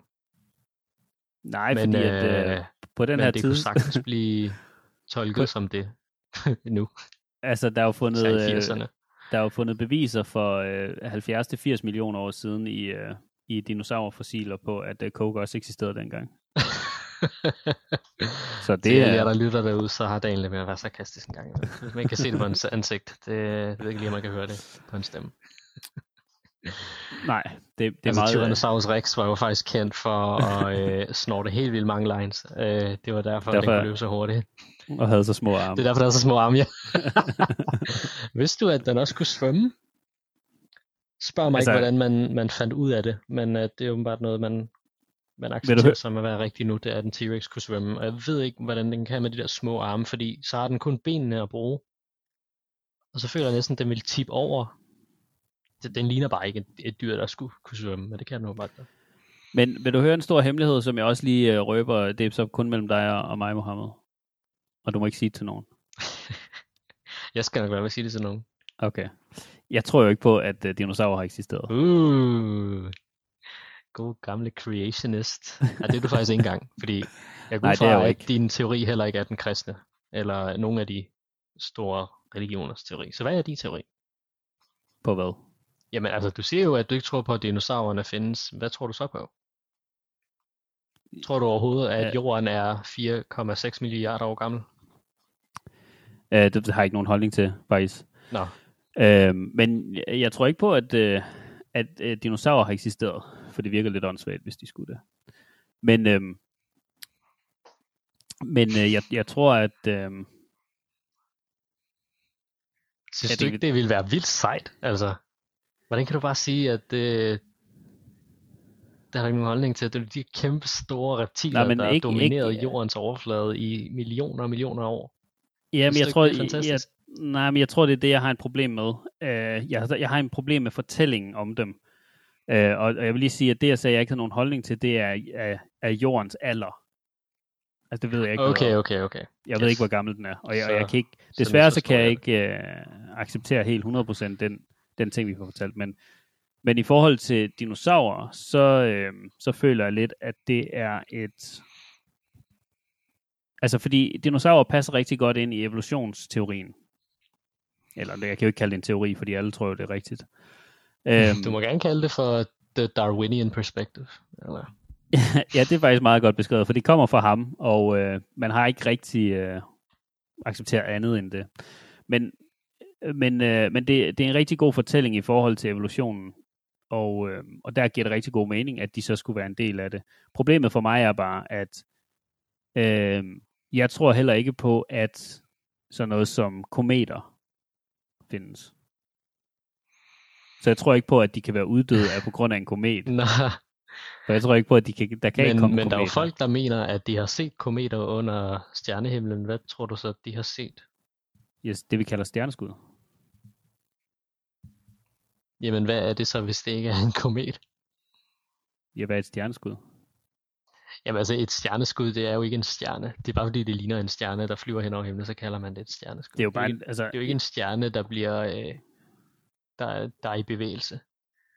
altså, det er jo bare et stykke, stykke jord.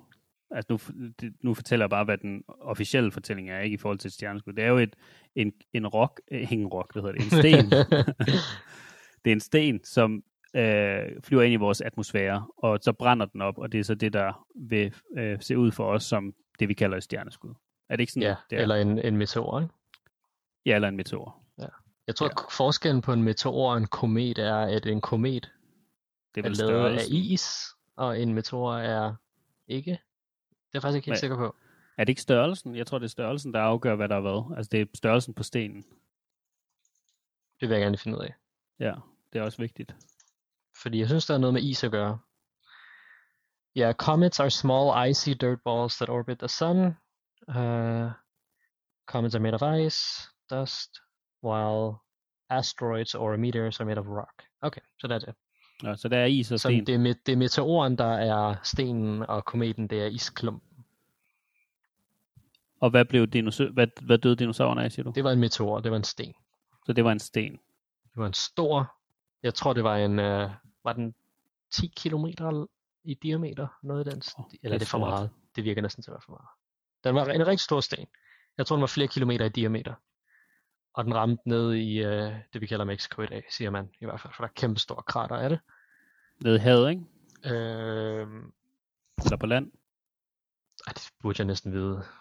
Det, men det er et godt spørgsmål, fordi der har været, det, der har været land dengang, har været hav i dag og omvendt og alt muligt. Så.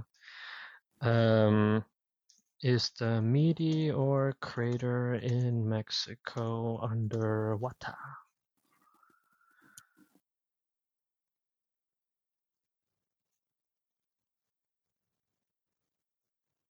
Den er delvist under vand. Så noget af det er på land, og noget af det er på vand. Og hvor er det hen? Hvad hedder den region? Det hedder Yucatan.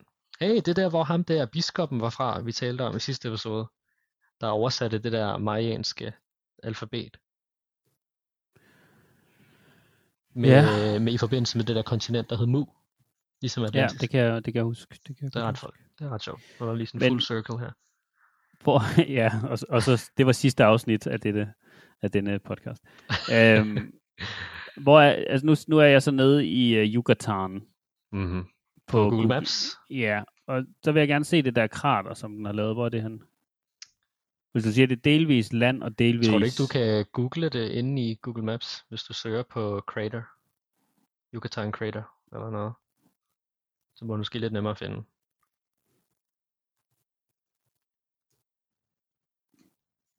Ja, det, den, den viser ikke nogen forskel. Den viser bare samme sted. Lidt tættere på.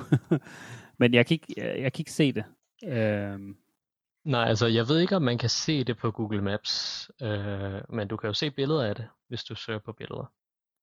men Jeg hvorfor på- skulle, der, hvorfor skulle der være en forskel på Google Maps? Og, Fordi øh, og det er jo meget, altså Mexico er jo kæmpestort. Du vil ikke kunne se et hul, der er 10 km i diameter.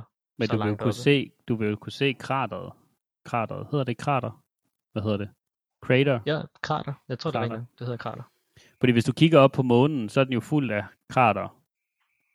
Ja. Og det kan du jo se med dit øh, nøgne øje. Jeg tror, det er... Jeg, jeg ved det ikke. Øh, Fordi jeg så ved, får- Jeg ved ikke, hvor, stort, hvor store de er på månen i forhold til den her. Fordi når du søger på det på, på Google billeder, ikke, så kommer der en masse fine tegnede billeder op af, hvor det skulle have været henne, og hvordan det viste ud dengang, og sådan nogle ting. Men Mhm. når vi så kigger på et kort i dag Ja. over det, så kan du ikke se nogen Men hvad er det for et billede, du kigger på? Altså, det er jo, alle sammen. fordi... Jamen, du kan jo ikke kigge på Google Street View, for eksempel, kan du? Nej, nej, men det, jeg kigger jo op fra.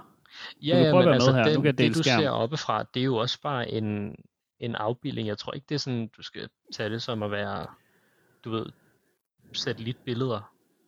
Kan du se min skærm? Øh, lad mig se. Ja, det kan jeg godt.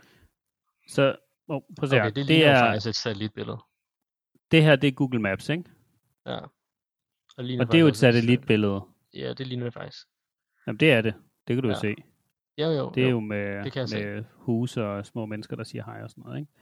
Hvis vi så går over på øh, Yucatan, Google og skriver Yucatan Crater, så Ja. kommer de her billeder op. Så er der nogle fine, der er tegnet, hvor det skulle være. Se, om det er her, det er slået ned. Det er her, det er slået ned. Kommer der sådan et billede her, hvor man har futuristically, eller hvad det hedder, sagt, det er sådan her, det så ud. Og se, hvor nogle bjerge det har skabt. Så går vi herover. Altså, Hov. øh, Nå, Hvor er det henne? mus. Yes. Hvor er det derhenne? Det skulle have, lagt, det skulle have været her. Jamen, prøv lige at... Ej, det, det, det er ikke så stort. Det kan du da se der. Altså, hvad, hvad Se. mener du? Det her, Yu- Yucatan Peninsula, Ja. så siger den, det her, det, det er der, det krater skulle være, ikke? Kan du se den Jeg røde kan ikke se, streg? hvor du peger. Nå, kan du ikke se min mus, eller? Nej, Nå, jeg kan, jeg kan bare du se kan, kortet. Jeg ved ikke, hvor jeg Men du kan-. Nej, men du kan se... Nå, undskyld, det er fordi, at den kun... Okay, vent lige, jeg har delt forkert skærm. vent lige. Jeg prøver det igen. Uh, screen. Entire screen. Sådan der. Nå nej, det var det, jeg ikke kunne få lov til. Prøv lige, vent, jeg prøver lige igen. Der er lige uh, tekniske øh, udfordringer, så... Uh, nå, du får bare lige den der. Kan du se det her så? Ja, nu, jeg kan se dine uh, billeder, yes, på Google. Ja. Og kan du se min mus? Ja. Så det her, det er billederne på Google, hvis du skriver uh, Yucatan Crater. Okay, så de har outlinet cirklen, der skulle være crateren, så vi ved nogenlunde, hvor den er, og hvor stor den er i forhold til peninsulaen. Lige præcis. Okay, og når vi så kigger på satellitbilledet, så er det der, du siger, jamen, du kan ikke se den, selvom vi burde kunne se den. Nej, og hvis vi så går over på, jeg ved ikke, hvorfor den ikke vil dele alle mine skærme, men det vil den så ikke. Hvis vi så går over på satellitbilledet for Google Maps, Ja. Så skulle den være der. så skulle den jo ligge her i det her område, ikke? Prøv lige at zoome lidt mere ind. Lidt mere. Lidt mere.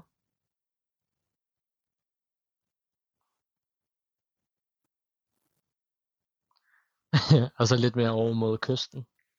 Hvilken side det er begge to kyster. Øhm, sådan lidt nord og øst. Nej, nordvest. Ja, den, den vej.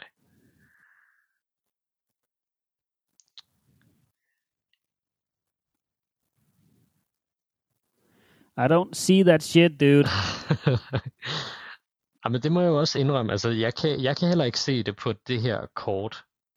Men jeg mener bare, at hvis du har et, et krater, som skulle have været, sagde du, 10 km langt eller et eller andet, og har udryddet en hel, en hel civilisation af, af, af al, kæmpestore alien-dyr, som skulle have gået på den her planet, øh, som er, du ved, som skulle have lagt øh, alt levende ned, og så kan vi ikke se det i dag, hvor det er sådan lidt, altså de der bjerge, der er rundt om i verden, som har lagt der i bare pyramiderne, som har lagt der næsten lige så længe, jeg ved godt, det ikke lige så længe, men de står der stadigvæk. Vi kan ikke se krateret på nogen måde. Der er ikke en lille bitte øh, bjergetop. Der er ingenting. Ja, altså du, du kan ikke se det på det her satellitbillede, men tror du ikke, du, hvis du tager dig ned, så vil du kunne se det? Selvfølgelig vil du da ikke kunne se det. Hvis du ikke kan se det på satellit opfra, så vil du da ikke kunne se det. Så kommer de med det her. Okay, men så prøv, så prøv at tage et sted hen, hvor der er, hvor der er bjerge. Prøv at se. Det her, det er et rigtigt krater. Må jeg se. Jeg kan Det er sådan noget. der... Nå nej, det... Åh, jeg lige det. jeg glemmer hele tiden den skærm. øh, den der. Kan du se den? Det Google-billede. Det er et krater. Det er sådan et krater ser ud. Og hvad er det for et krater? Der er også et her. Der, det er øh, the, øh, det er faktisk ikke klar over. Det, hvordan, hvordan siger jeg det der? Jeg kan ikke læse det, det er for småt. Nå, okay. Men det er et eller andet sted i, i øh, USA, eller sådan et eller andet. Men kan du se, Jamen, så prøv, at finde, så prøv at finde det krater på satellitbilledet. Er det jamen, så nemmere? skal vi, jamen, så skal vi finde ud af, hvor det er henne. Øh, hvis vi lige tager den der op igen, der stod noget her. Fordi hvis vi så ikke kan finde nogen af dem, så er det måske bare fordi, det er svært. Fordi det er jo, de laver det jo om til et todimensionelt plan, så du kan ikke se dybden. Men Nå, det er samme sted så. Hvorfor siger den det her? Så er det der fejl, øh, hvad hedder det, øh, det er der en fejl inde på Google så. For det er der slet ikke det sted. Okay, lad mig prøve at finde en. Men det er fordi alle de her billeder siger, at det er det krater. altså alle billederne siger, at det er krateret, der skulle udradere dinosaurerne. Ja, altså for, for dem, der lytter, så lige nu sidder vi og kigger på billeder af rigtige krater, som er i en ørken et eller andet sted. Og øh, det øh, navn, som det krater har, skulle være det samme navn, som ligger i Yucatan Peninsula. Og det er et fuldstændig grønt område, når du søger på både på Google Maps og ser alle billeder. Så det, det må være to forskellige krater jo.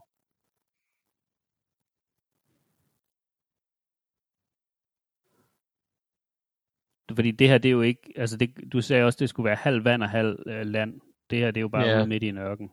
Ja, ja, så det er to Så det kan jo ikke være... Ja, men det kan jo ikke være, sammen. at det er nogenlunde det samme sted. Fordi der er jo også meget ørken i Mexico. Nej, fordi prøv at se, hvis jeg, det her billede, ikke, så er der det her øh, navn, som hedder C-H-I-C-X-U-L-U-B. Crater. Det var så ikke det andet navn, faktisk. Nu prøver vi lige at åbne artiklen. Okay. Det er garanteret røvsygt at høre på det her, Mohammed. Nu prøver jeg lige at søge på det her. at det, er- det fedt nok, at vi prøver at komme til bunds i det. Um, Jo, men det er bare det er meget billede, halløj.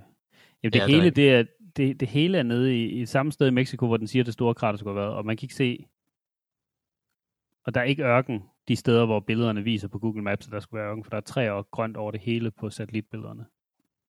Det giver jo ikke nogen mening, det her. Der er en fejl i Google. Hmm, hmm, hmm, hmm. Nu tror jeg, jeg prøver bare at skrive Craters. Crater. Og så skriver vi USA. Og så... Se, Arizona, det er den, den refererer til, men den skriver et andet navn hele tiden. Det var da irriterende. Okay. Så prøver vi at tage Arizona-krateret og sætte på Google Maps. Her. Ups. Okay, kan du se mine maps? Øh, Jeg kan kun se dine øh, billeder. Du kan, du kan se Google stadigvæk. Okay, så skal jeg lige have skiftet rundt.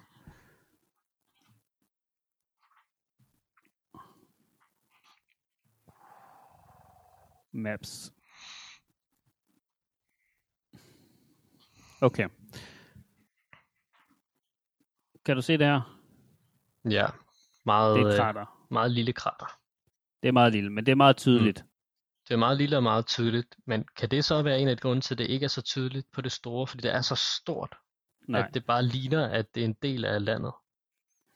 det kan det jo ikke, Mohammed. Fordi det er jo samme... Det, hvis, det, hvis den her fortælling skulle være rigtig, så er det jo samme mekanismer, der gør sig gældende uanset størrelsen. Det er, at noget tungt falder ned og skubber jord og alt væk rundt om sig, så det laver en cirkel af bjerge og et stort hul. Er vi ikke enige om det? Ikke, altså, det, det laver ikke bjerge. Øhm, Nej, men altså, du, du ved, jeg mener, kanten altså. Er, er, en, er en form for bjerg. Eller altså, du ved, hvis du okay, står nede ja, i midten, og så, så krateret. Ja, så det er et stort hul i jorden, hvor du så har Ja. en, en cirkel af impacts-området, ikke? Mm. Why is Yucatan crater so flat?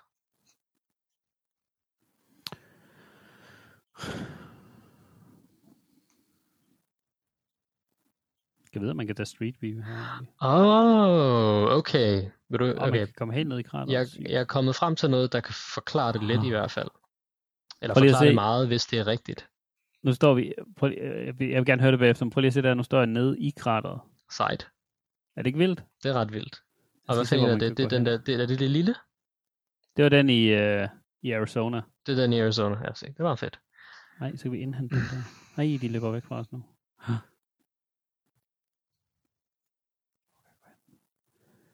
Det er et meget sjovt spil, det her, jeg lige har fundet på. Nå, hvad siger du?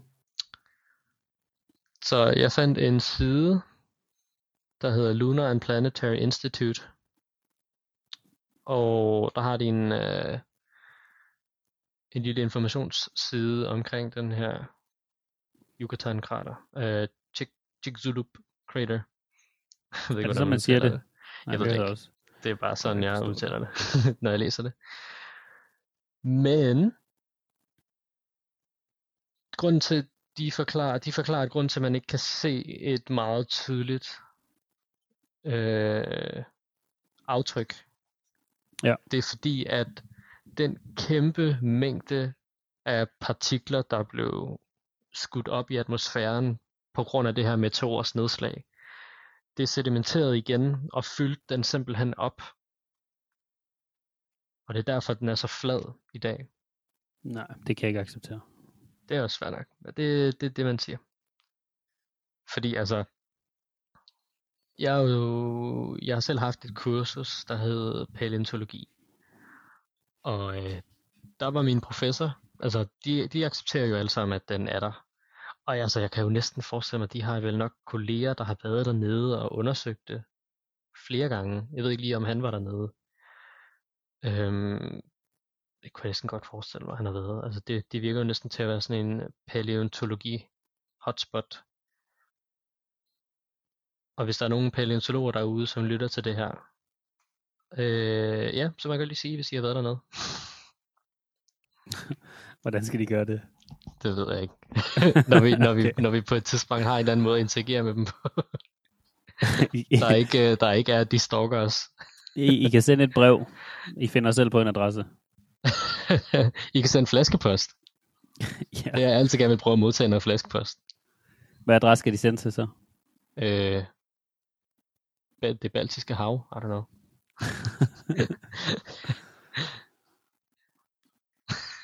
Jersey strand.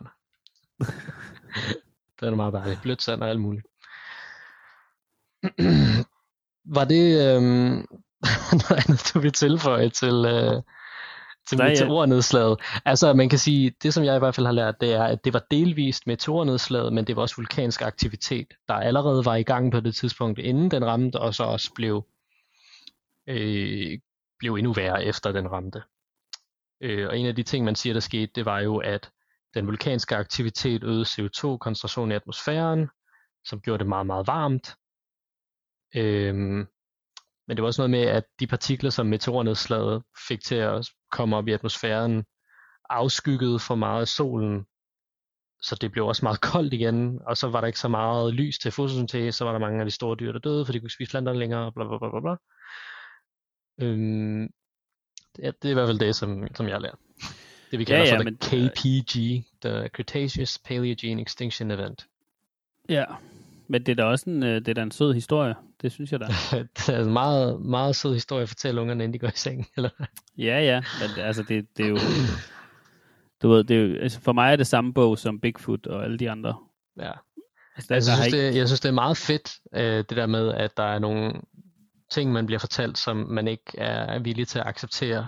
Men jeg synes heller ikke, vi har dykket nok ned i det til at kunne afkræfte det endnu. Altså, vi har Nej, kun nej, hørt, ikke- vi har ikke kun os to. hørt, øh, vi har kun hørt, øh, du ved, overfladen af det, der er at vide om det her, og alle de beviser, der er for det. Men okay, så lad os gøre sådan her, Mohammed. Næste gang, eller om nogle gange, så, Ja. så kommer vi begge to med ja. vores øh, for og imod. Vores Så kommer jeg- argumenter. Ja, Ja, så kommer jeg med mit, så skal jeg nok undersøge alt, hvad jeg kan i forhold til imod, og du kan undersøge alt, hvad du har ja, det kunne for. være meget sjovt. Og så laver vi simpelthen bare en uh, battle-episode, hvor vi bare Vi battler laver hinanden. en uh, debatten.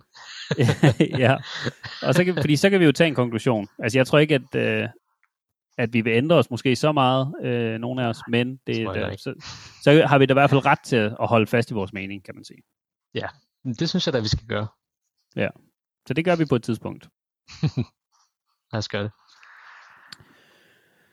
Godt, jamen, øh, så er det vel det. Nej, altså vi, øh, vi kom jo ret, øh, ret meget ind på det der med at faste og bla bla bla, så endte vi lige pludselig i det her ja. kaninhul. Øhm, ja, der krater.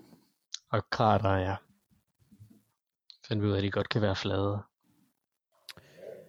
Ja, eller de ikke er der. Tror mere, det er det, vi lander på. Ja. Øh, skal vi lige se Aslan? Åh, Se om... hej ven. Nå, er sådan der. Ja. er du ikke snart færdig? Sig hej. Nå. Nej, han vil gerne lege nu. Han vil gerne ud og gå tur. Så. Ja. Men øhm, det er da spændende. Det er da spændende alle sammen. Øhm, Jeg synes, paleontologi er vildt fascinerende. Fordi den, er, den kan svare på nogle spørgsmål, vi har haft om, om fortiden. Og hjælper os med at sammenlægge det her puslespil, Ja. som vi kalder vores historie. Og er en af de, en af de måder at forklare, hvordan vi kom her på. hvordan vi hvad? Hvordan vi kom her. Altså, hvordan vi opstod. I hvert fald, hvis man går Det, ud det, for, det fra, ikke, hvordan vi opstod. paleontologi-perspektiv, eller the Darwinian perspektiv. Nå, du mener evolutionen forklarer det.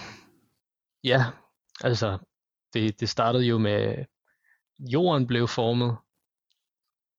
Det var, man siger jo, at den var ubeboelig for liv, fordi den var så ekstremt varm og kaotisk. Og ikke stabil overhovedet nok til at kunne have liv på sig.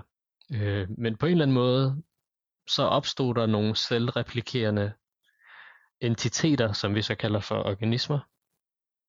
Øhm, der var noget, der hed, der var noget, der opstod som DNA, som var deres måde at selvreplikere på, og der kom et selektivt pres, sådan så at dem, der var bedst tilpasset til miljøet, de kunne videreføre deres gener. Og den proces har så fortsat lige siden, at det først startede. Og altså, der var også et tidspunkt, hvor der ikke var nogen atmosfære, som vi kender den i dag. Der var ikke lige så meget ilt i atmosfæren, fordi ilt, det er jo et produkt af liv, som cyanobakterier. Det var de første fotosyntetiserende organismer på jorden, siger man, før planterne var der. Og det var ligesom dem, der skabte ilt nok i atmosfæren til, at der var, der var respirerende dyr, som os, som kunne leve der. Og så har det ellers bare været den her evolutionære proces, som har givet ophav til så mange forskellige organismer. Og så så i sidste ende end med os. Det er i hvert fald det, som jeg har lært. Ja. Og det giver jo Jamen, god nok mening, når man... Øh, men man må også acceptere, at der er mange, der er mange brikker i puslespillet, som vi bare ikke har. Der, er- jeg synes, der har været nogle geniale og innovative måder at bruge det, vi har til at ekstrahere information ud af, sådan noget som at bruge isotoper, til at finde ud af, hvad gamle ting er. Det synes jeg er fantastisk. Har du hørt om det? Ja, men prøv at forklare, det er. Sådan så, at øhm, du ved godt, at der er nogle elementer i det periodiske system. som er de elementer, der udgør alt det, der eksisterer på, på jorden. Og øh, når du har et element, som for eksempel, lad os sige, hydrogen, eller øh, brom, eller bare et eller andet form for, lad os sige, et eller andet form for tungmetal, så findes der også forskellige versioner af det element, der har en, en den, det, det er sådan set det samme element, men det har enten et par protoner eller neutroner for meget eller for lidt, så det vejer, det vejer enten lidt mere eller lidt mindre end, end den version af elementet, der er mest af på jorden. Det er det, man kalder for isotoper, så forskellige versioner af det samme element, det er en isotop. Og det der med isotoper, det er, at de er ret ustabile. Og øh, de har det, der hedder en halveringstid. Det vil sige, at du har en vis koncentration af isotopet, af elementet. Det vil så blive decayed. Øh, jeg, vil, jeg vil ikke sige nedbrugt, nedbrudt, men no, noget i den stil. Det, det går i forfald. Og øh, så har man noget, der hedder halveringstid, og det, det betyder bare, at det, det er, hvor lang tid går der, før halvdelen er væk. Og det kan man måle. Øhm, så du kan, du kan godt måle, hvordan koncentrationen af et element bliver mindre og mindre i, i forhold til tid. Og så kan du regne halveringstiden ud.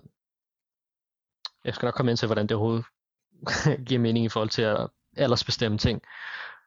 Øhm, men når du så har et stykke jord eller sten, som du gerne vil aldersbestemme, også, øh, også øh, hvad kan man kalde det, biologiske fossiler, de har også de her elementer inde i sig. Hvis du måler koncentrationen af øh, isotopen, altså elementet, der går i forfald, og så koncentrationen af det element, som det bliver til, når det går i forfald. Når du har de to tal, og du kender halveringstiden, så kan du regne ud, hvor gammelt det er. Og det, øh, det er sådan, man har brugt, øh, man har brugt isotoper til at, til at øh, aldersbestemme stykker af, af jordlag, for eksempel. Ja. Det synes jeg er uhyrt smart. Det er... Jeg er sikker på, at det giver mening, det du lige sagde. ja, men, øh, jeg prøvede men... i hvert fald at forklare det, så godt jeg kunne. Øh, men jeg kan godt forstå, for jeg havde også svært ved at forstå det. Jeg, tror, jeg ved ikke, hvordan jeg... Jeg tror, jeg så en YouTube-video, der forklarede det, før jeg rigtig forstod det. Man skal også se det for sig, tror ja. jeg. Ja, det er lidt svært at bare lytte til, tror jeg. Ja, det var, det var lidt, altså det giver god, øh, det er spændende at høre om. Jamen, det, er, det, det er jo meget spændende at høre om, men hvordan ved vi det, vi ved? Hvad er det baseret på, ikke? Jo. Og så finder du ud af, at det er sådan nogle, det er videnskabsfolk, der er kommet med en eller anden metode, og så har lavet nogle konklusioner ud fra de resultater, de har fået, efter de har brugt den metode, fordi der er jo altid chance for, at der er fejl i metoden, øh, at man har konkluderet forkert på sine resultater, Øhm, men vi er også nødt til os på et eller andet punkt at, at stole på dem, der så er de førende eksperter inden for et felt. Fordi de er jo meget kritiske over for hinandens metoder. Så dem, der ved mest om det, det er også dem, der skal peer review de ting. Og øh, hvis der er noget, de synes, der ikke giver mening, jamen så, øh, så lader de det blive hørt, og så skal man lave det om igen. men, øh, men ja, det, Altså ja. nu, øh, jeg, jeg er enig i alt det, du lige sagde der, men øh, jeg kom til at tænke på, da vi talte om, om grader, ikke? at øh, har du hørt om det, der hedder The Younger Dryas? Nej. Kender du øh, Graham, hvad den hedder? Norton? Nej. No. Han er brite. Øh, det er ham her også. han, er, han har været på Joe Rogan en del gange. Mm. Hvad fanden er det nu, han hedder? Joe Rogan. og så Graham Hancock, det er det, han hedder. Ham og øh, ham, der hedder Randy, Randall Carlson, er øh, Rand, Rand, Graham Hancock og Randall Carlson er Øh, det ved jeg ikke, de graver jord og gør ting med jorden. Nå, de er så arkeologer måske. Ja, yeah, eller den stil. Altså hvis det handler om dinosaurer og sådan noget, så er det paleontologer, men det ligner mere, at de har sådan med pyramider og ting at gøre, så jeg vil gætte på arkeologer. Ja, men jeg tror også, de er, de er arkeologer, men øh, fordi de har ikke noget med... Ja, det kan godt være, altså, de har ikke noget med pyramider at gøre og sådan noget. Okay. Men de er kommet op med, og, og jeg mener Jordan, ikke Jordan, hvad hedder han? Øh, Graham øh, Hancock øh, har også skrevet en bog om det, men der, de har så fundet det, det, som de kalder The Younger Dryas, eller den yngre Dryas, øh, som var en periode mellem 10.900 og 9.600 år før Kristus. Øh, og øh, det var en periode, som øh, begyndte kort tid efter slutningen af den seneste istid. Øh, og øh, der kom en øh, pludselig temperatur forskel eller udfald, eller hvad sådan noget hedder, øh, over, øh, over store dele af, af jorden. Øh, og så vidt jeg husker, så kommer det, efter deres mening, så kommer det, så er det baseret på et nedbrud af meteorer. Øh, Altså nedbrud. Så du mener altså, Nej, der var en meteor, der ramte? ja, nu skal jeg lige, jeg skal lige huske det rigtigt. Øh, Younger Mhm. mm-hmm. Dryas, da isbarrieren i Sankt et eller andet sted i nutids øh, Canada brød sammen, og en stor mængde øh, iskoldt gletsjervand fra øh, løb ud i... Okay, så det er, fordi det de mener er til årsagen til det, det er, at lige efter istiden, så var der en isbarriere oppe i Canada, som brød sammen, og øh, den isbarriere skyldte så en masse øh, gletsjervand ned over USA, og den, og den største delen af nord, altså det nordlige af USA, ikke nord USA, bare det nordlige af af USA. Og øh, den her vandmasse nedkølede, så temperaturerne øh, for Amerika, Europa og Afrika og øh, Golfstrømmen står der. Mm. Og en teori er, øh, at det hænger sammen med en meteoreksplosion over Kanada for netop 12.000 år siden. Igennem det meste af perioden var Østersø bassinet øh, opfyldt af den baltiske issø. En, at- en alternativ øh, hypotese er, at Younger Dry startede med en meteornedslag. Øhm, og det var noget, man fandt i opdaget af et øh, Grønland. Øh, det anslås, at 12 millioner tons, nej 12 milliarder tons, øh, er det så, er det så meteorer? Nå, det, det kan jeg så, okay.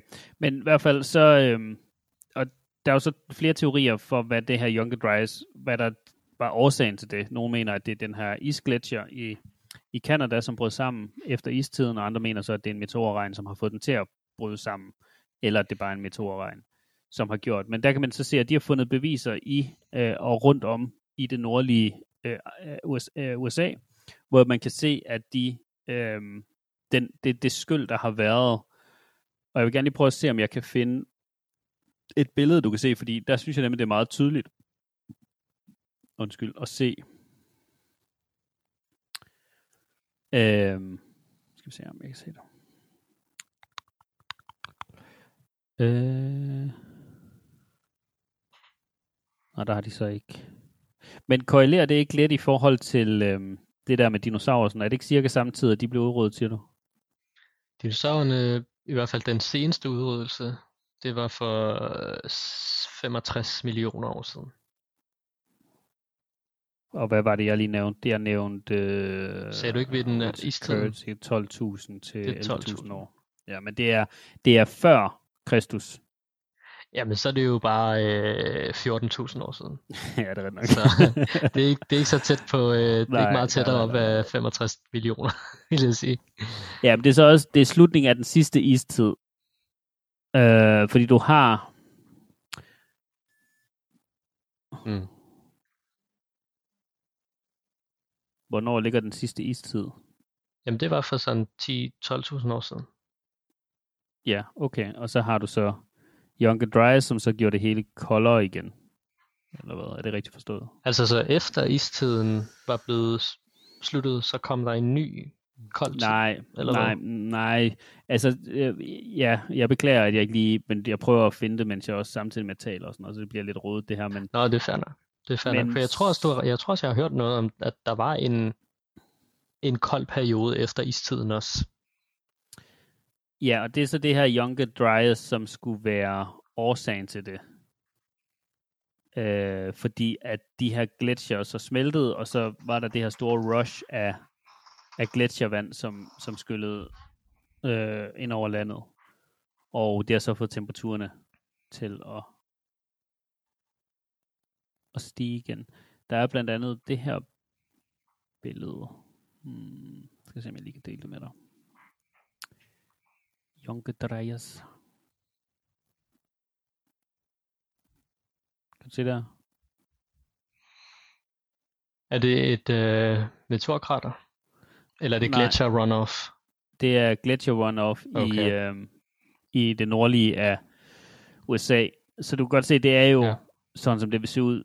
På, bare på en meget, meget stor skala. Det her det er hus, ikke? der ligger helt hernede, og så er der marker og sådan noget. Men det er. Mm. så en af de impacts, som der har været. Det er jo meget tydeligt, at det er vand, der har skabt det her. Jeg tror også, det er sådan Møns Klint og Stævns Klint blev formet. Det var også Ja, fra gletsjer, der trak sig tilbage. Og der er også et her, øh, de her, som også er i, nord, i det nordlige USA. Øh, det er også okay. Gletsjervand, som har skyllet igennem her i de her yes. Rifter og revner. Så hvad, så hvad du siger, at øh, efter istiden, der begyndte at smelte, og det skabte så de her øh, geologiske formationer, vi ser. Ja, Og, og hvad, hvad så? Det var... Er det, er det der, den slutter, eller sker der noget efter det? Altså, sker der noget på grund af det? Så Nej, altså, jeg- jeg tror, stiger. Ja, men det er fordi, at, at du har øhm, du har jo istiden her Ja. for 11.000 år siden, ikke? Og så er der et kæmpe fald i temperatur. Og- Men den stiger så ret hurtigt igen, og der har man, sådan som jeg forstår det, så har videnskabsmennesker, Nå. forskere, den slags typer, har øh, så undret sig over, hvorfor at den er faldet så hurtigt, og så steget så meget igen, op til Ja. nærmest, hvad der lignede en ny istid. Så det blev simpelthen endnu koldere, Mm, inden ja, istiden sluttede, nej, og så blev det meget varmt igen, og det var der, den sluttede, eller hvad? nej. Kan du se min skærm? Jeg kan se din skærm. Ja, så den røde linje her, det er temperatur. Hvis vi bare forholder os til den, så er det her istiden, hvor vi er herover. Så Younger Dryas ligger her i midten, og det er så det, man, denne her sp- spike nedad, som er meget voldsom i temperatur, den, den går jo fra øh, temperatur herover i degrees, Ja, men det er minus degrees, ikke? ja, det er minus, den går fra øh, Eller er minus, ja, det er Ja. minus 32 så ned til så videre, ikke? Den Ja. går så fra minus øh, ja, 33, 35 måske i istiden, og så kommer Younger Dryas, hvor den falder helt, helt ned til minus Nej, så bliver det koldere, eller hvad? Det er jo det, jeg siger, det bliver endnu ja, koldere. det bliver endnu koldere, ja. Og den her forklarer det måske bedre, ja, fordi det er varm og så kold. Hvorfor hedder det allerød? det ved jeg ikke. Det, det, det, det er da lidt underligt, Jeg er kender en, ikke der bor i Allerød. Ja, men er det ikke lidt Altså i underligt, at... Ja, jamen, det er det. Men det er jo sjovt, det er alt andet på engelsk, og så er der et lille ø. Et lille ord med ø. Jo, men hvorfor, hvor, hvorfor hedder byen Allerød? Det ved jeg ikke. Kan Okay, det noget det vi- det her gøre? Det, jamen, det, det, det vi undrer os over nu, det er fordi, vi sidder og kigger på et, et kort over den øh, Younger Dryas-perioden og den sene istid. Og så lige inden istiden, øh, den stopper, og Younger Dryas kommer ind, der er et peak på, det her, på den her graf, som hedder Allerød. Og det har jeg set flere gange på de her kort, jeg lige har siddet og kigget på. Så det er underligt. Men øh, det, jeg vil vise, det var, at hvis du kigger på, så har du Allerød, og så har du Younger Dryas, hvor at den normale nedgang vil jo være en streg over her. Ikke? Sorry, jeg googlede lige allerede. Nå, okay. Hvad er det, du siger? Altså, den, den, en naturlig nedgang vil jo være, at den gik ned her. Så den gik ned her, og så stille og roligt blev koldere. Mm. Hvorfor, hvorfor er istiden også varmere? Det forstår jeg ikke. Men det er jo en meget lille... Jo, fordi Ej, okay, det her... Det, den, den viser alligevel... Den Er viser alligevel istiden? 10.000 år før den sluttede, ser det ud til. Jo, men det der, det er jo 18.000 år, ikke? Men hvorfor er den koldere i slutningen af istiden, end den er i starten af istiden? Nå ja, det, det er jo klart, fordi Det er jo omvendt. Nej, for det her, det er jo grader opad. Det der, du kan se, det der, Nå, det er 0 ja, men tiden er vel omvendt. Altså, vi ligger jo hen mod 0, gør vi ikke? Er det ikke tusinder af år siden, tror du?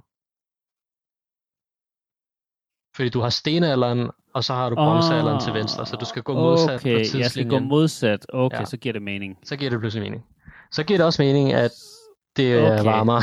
Så bliver det også... Ja, okay, så allerede er Øh, faktisk men man før, kan sige- eller efter Younger Dryas. Man kan sige, det bliver jo stadig koldere, før det bliver varmere. I den der Younger Dryas. Altså, du kan se, det bliver varmere, men så bliver det pludselig meget koldt igen, og så bliver det meget varmt. Så Ja. der sker et eller andet. Ja, det okay, og det er det, der er hele pointen. wow, det var svært der. Men det er det, der er hele pointen i det, jeg siger her. Det er, at øh, denne her nyk i kulde sker meget, meget kort Mm. og meget, meget hurtigt. Og det bliver også meget, meget hurtigt varmt igen. Ja. Efter istiden, ikke? Jo. Og det er det, som øh, forskere har haft svært ved at forklare. Det er der, hvor øh, Graham Hancock og øh, Randall Carlson, de har været inde og, øh, og kommet med deres teori om, og, og lavet den her Younger Dryas teori om, at der er på grund af, i og med at det blev varmere, så de her, enten så de her øh, barriere med øh, gletsjervand, de øh, sprang, og så er det er al den her kolde vand kommet ud i, i store dele af det nordlige, den nordlige halvdel af kuglen, eller nordhalvkuglen, mm-hmm. hvad det hedder. Øh, og så øh, er det blevet super koldt lynhurtigt igen, men det er så også blevet meget varmt igen. Okay, okay. Så det, at øh, gletsjerne smeltede, det gjorde, at der var en masse koldt vand. Det kan godt være, det smeltede, men det er stadig meget koldt. Det kom ud i havet. Ja. Det gjorde alting lidt koldt, men så blev det varmet op igen på grund af den der opvarmningsperiode. Ja. Det giver mening. Ja. Det giver meget god mening, I guess. Eller, ja, Det er ret Eller- vildt, at det sådan tager næsten...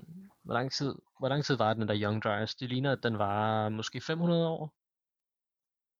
ja, Så sådan, det er alligevel vildt, at det tog 500 år for den at blive varmet op igen. ja, det er vildt nok.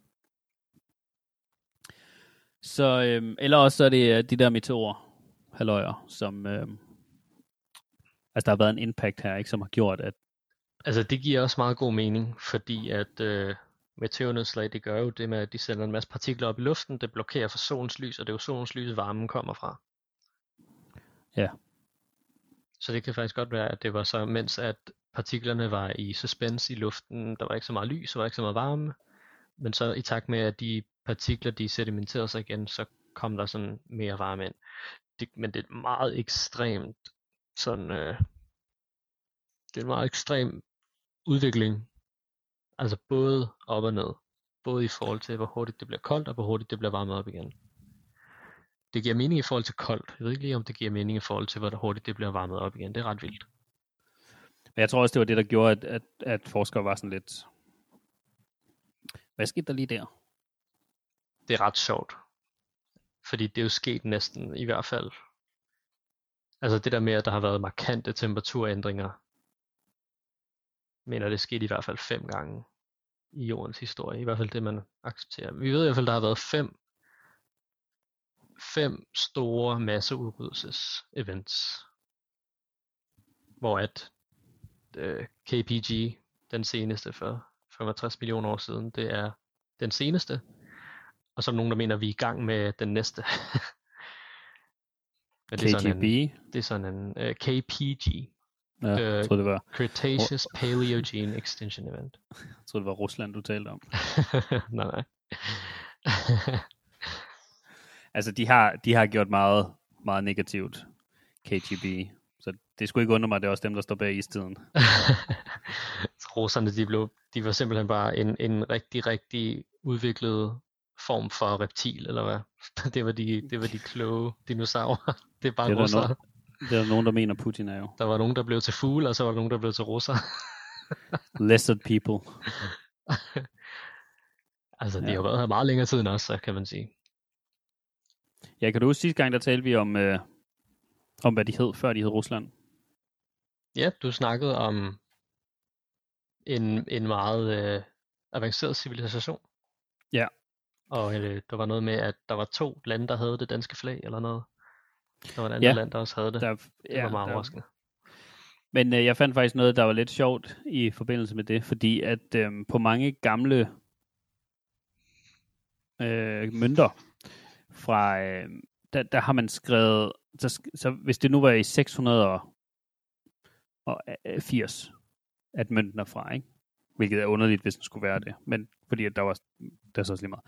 Men øh, så står der J60, øh, J680 på mønten, ikke? Har du set det? På hvilken mønt? Øh, øh, mønter fra 680. J6. Jeg har ikke set det, men øh, Men og så er der nogen, nogen, der mener, at det der J, det i virkeligheden burde at være et et-tal. når i stedet for year, eller? Ja, fordi at J, det står jo så for year 6, 680, Mhm. ikke? Ja. Og det er jo så baseret på, at den tidsregning, vi så har, skulle være korrekt, og så er mønten så for 680. Mm-hmm. Men i virkeligheden, så burde mønten måske at være fra 1680. Mm. Fordi at øhm, der er mange bygninger, har man fundet ud af, som har romerske tal. Du ved, hvor det er x og Ja, ja. sådan noget, ikke? Hvor at man har tilføjet nogle tal. I stedet på mit ur. 12. Ja, ja lige præcis 12, ja.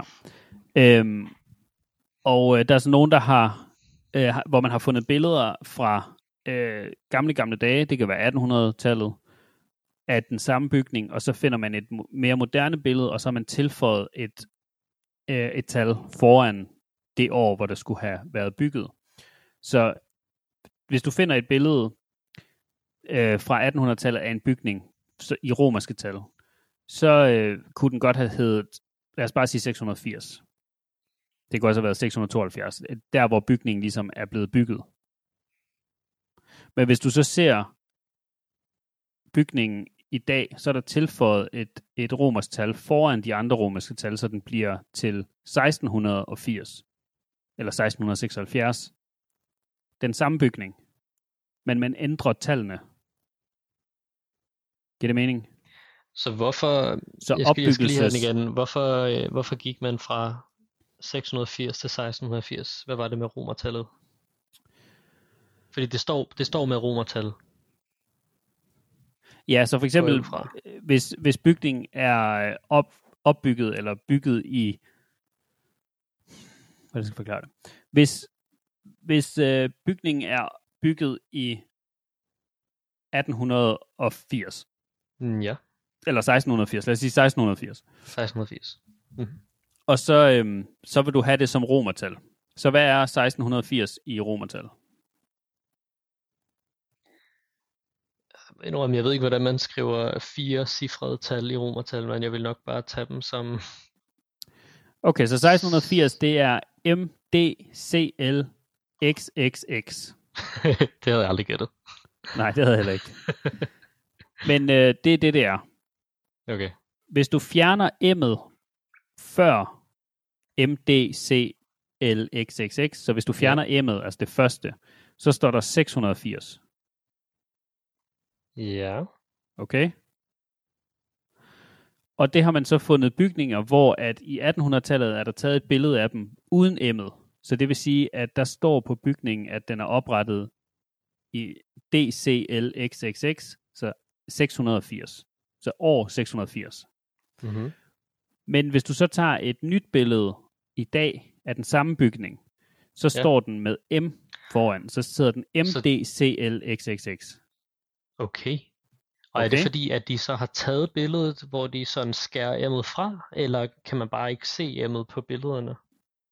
Det gamle der. Øh, der er slet ikke noget M. Der er, altså okay, vildt. Ja, så og teorien går så lidt på, at den tidslinje, som vi bliver fortalt er vores tidslinje, at det er en, der bliver genbrugt.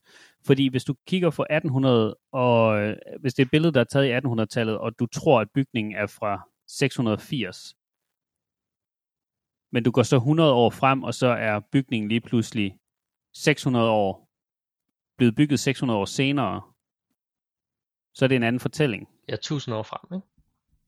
Eller hvad? Ja, undskyld, ja, 1000 år frem. Mm. Så er det en anden fortælling. Så, så er det en anden tidslinje, du lige pludselig fortæller. Så baseret på, hvad, Ja. hvad dem i 1800-tallet skulle have at vide, for at de gjorde, hvad de skulle gøre, så har man brugt 680 for at fortælle en historie, og for at vi kan forstå, hvad vi nu skal forstå, så har man brugt øh, 1680. Så hvad for en er rigtig? Ja, det ved man jo ikke. Det kan vi ikke sige. Det ved vi jo ikke, fordi at det er jo, det er jo at snyde. Altså, det er jo at, at, at snyde med, ja, med, med, med historien i, i virkeligheden, ikke?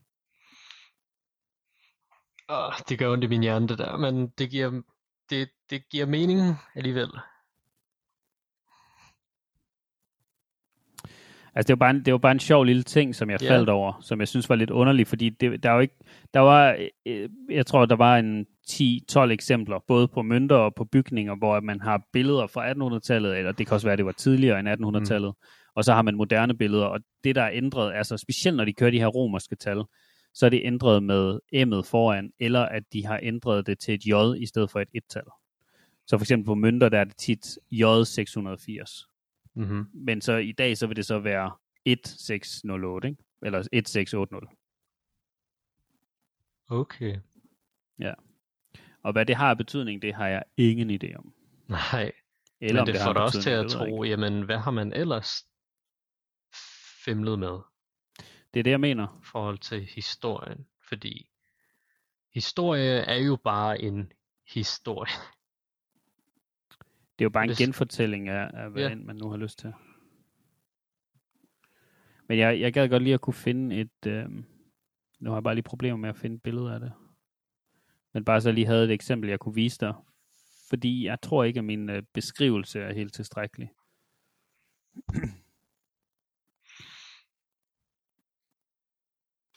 Men ja, så øhm, det er øh, spændende alle sammen. Skal jeg lige se, om jeg Især fordi, at ikke nok med, at der er nogle mennesker, der har en agenda med at dokumentere historien, så den på den måde kan være fejlbarlig, men der er også mennesker, der tror, at de dokumenterer historien rigtigt, men de bare tager fejl, og de er klar over det. Ja, det er jo næsten det. øh, Altså, jeg, jeg vil hellere tro på en... Øh, jeg vil hellere ikke tro på sandheden, end at jeg vil tro på en løgn. Gav det mening, det jeg lige sagde? Nej. jeg skal lige forstå, er du så skribenten nu, eller er du person, der læser historien nu? For jeg har Jeg ved- talt om Nå jo, jeg er jo den, der læser der dokumenterer historien. Ja, nej, jeg, jeg er den, der, læser, den, historien. Ja. Ja. Så, så Nå, jeg hvis kan jeg er heller den, der ikke, læser øh, historien, så er jeg også enig med dig. ja man, man vil hellere tro... Altså jeg vil hellere ikke Øh, vide man vil hellere ikke tro på sandheden, end at tro på en løgn. Ikke? Det giver jo god nok mening. Okay, altså du vil, hellere, du vil hellere afvise noget, end acceptere noget, der er forkert.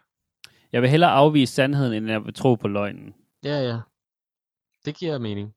Ej, det er filosofisk det her, var? Ja, det er det jo, fordi jeg kan jo mærke, at jeg er nødt til at, sådan, at tænke mig om en ekstra gang, før jeg forstår det. Så må det være filosofisk. Det er helt dybt. Uh. Uh, ja.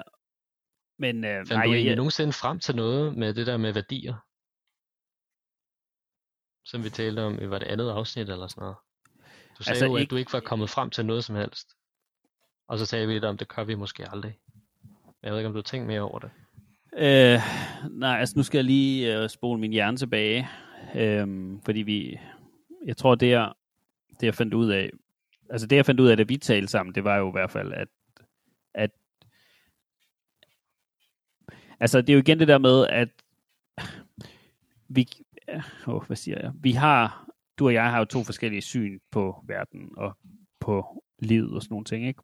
Mm. Altså vi har nogenlunde de samme værdier med, og, og, og også vores moralske kompas er også nogenlunde ens. Men, men det er jo det der med, at jeg tror, i, ifølge, den, i, ifølge min måde at se tingene på, så, så føler jeg jo, at der er en værdi, og derfor er det meget simpelt for mig at, at tilskrive den værdi til, til øh, altså, jeg ved det ikke, fordi det er jo igen det der med, at det eneste, som giver os en værdi, er jo i, uh, ui, og der er Aslan, der lige spændede ud af døren. Så jeg se, om han... Han er begyndt at hoppe op af... Ude på terrassen, så er begyndt at hoppe op af...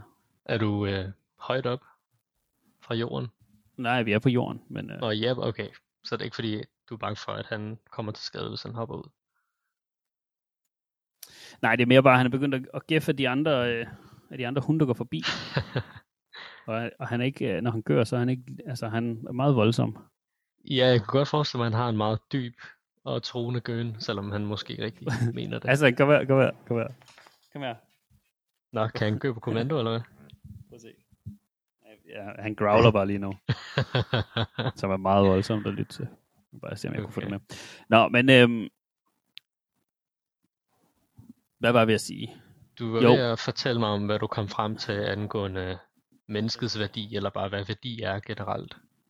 Ja, Altså, jeg, jeg tror, at, at det min konklusion er, det er, at i, da, det er jo fordi, det er så svært at snakke om det her, fordi at, at det er jo så dybt et emne, og det har så mange aspekter, og der er så mange vinkler på det, så det er, det er sådan en, man, altså der er så mange gader at gå ned af, som man burde regne med, i, når man taler om det, men jeg bliver nødt til at konkludere det ud fra, at der findes religion, og uden religion tror jeg ikke, vi vil have det samme opfattelse af værdi, som vi har i dag. Men for mit vedkommende, så er religion baseret på nogle andre ting. Så, så jeg, jeg, jeg er stadig overbevist om, at er det? Jeg ved ikke, om jeg er det. Men, men jeg tror, at, at jeg tror, at definitionen af værdi er, er, svær, er en svær størrelse at, mm. at beskrive. Ja, men vi behandler den som om, at den er nem at beskrive. Helt, helt sikkert. Men jeg, jeg tror, jeg bliver nødt til at konkludere, at der er værdi. For ellers så mm. er, så er det for meningsløst. Ja. Der er ingen tvivl om, at den er der. Den eksisterer. Den er bare ikke konsistent. Hvad? Altså, jeg, jeg ser på det sådan her. Altså, værdi er det pure opspænd. Men fordi at vi anser nogle ting som at være værdifulde, og andre ting som ikke at være værdifulde, så er det hyklerisk at sige, at det ikke eksisterer. Ja. Sådan ser jeg selv, på det. Du køber selv ind i ideen jo. Altså du, der er, du, der er du, noget, handler, du, er. du handler på baggrunden af, at der er nogle ting, du tilegner dig som at være værdifulde. Men du, men du respekterer ikke, og nu ser jeg ikke du som i dig, Daniel, jeg siger bare du som en hypotetisk person, men jeg tror, der er mange, der gør det. De værdsætter ikke, hvad andre folk anser som at være værdifuldt, på samme måde, som de respekterer, hvad de selv synes, der er værdifuldt. Men det, det kan du jo heller ikke. Nej, men, men så er det også det med, at men vi accepterer stadig nogle ting, som at være født værdifulde, og andre ting, som ikke er at være følt værdifulde. Selvom værdi, det er jo bare noget, vi, det er bare noget, vi putter på ting, der bare eksisterer. Og det er tit, jeg tror tit, det er, det kommer fra et egoistisk sted. Men det, er ikke, det betyder ikke, at det er dårligt.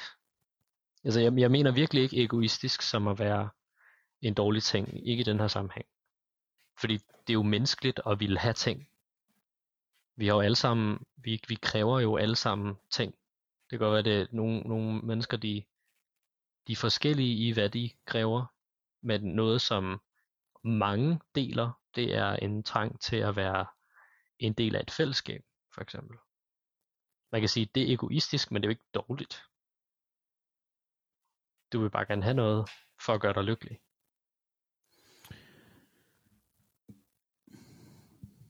Altså, den måde verden er på, så er, der mener jeg ikke øh, samfundet, men, men den måde vi er indrettet som mennesker mm. i forhold til bare vores biologiske opbygning, der er det jo, der kan du jo kun være egoistisk, fordi ja. der, der findes jo kun, altså der er jo kun dig. Mm-hmm. Og, og, og fordi du, vi, vi, der er ingen, der ved en andens tanker. Og der er ikke nogen, der ser med en andens øjne. Vi ser alle sammen med vores egen øjne ud fra vores eget perspektiv. Mm-hmm. Så det må jo, altså det kan jo kun konkluderes til at være, at det er en egoistisk oplevelse, vi har på jorden. Ja. Fordi hvis det ikke var det, så, så vil vi jo være i stand til at kunne interagere med hinanden på et dybere Ej. niveau. Du må gerne fortsætte, hvis du... Okay, okay. Jeg, jeg, jeg, kan, jeg lytter samtidig med, at øh, ja. jeg kom bare i tanker om noget, da du sagde det, du lige sagde. Men øh, fortsæt.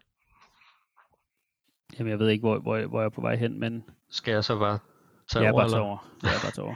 jeg tænkte, jeg vil, jeg vil lige spørge dig, om du havde lyst til at lave et hurtigt lille eksperiment i forhold til det der med, og, hvordan vi ser verden. Fordi du har det der billede, jeg har tegnet oppe, ikke? Kan du hurtigt finde det frem? Må jeg lige sige noget til dig? Ja. Hver gang du, du holder ved dit uh, headset, så bliver lyden dårlig. Okay. Jeg lægger den der, hvor den var før. Ja, der, der er den god. Der er den god. Ja. Which... Sorry. Prøv igen. Nej, det er okay.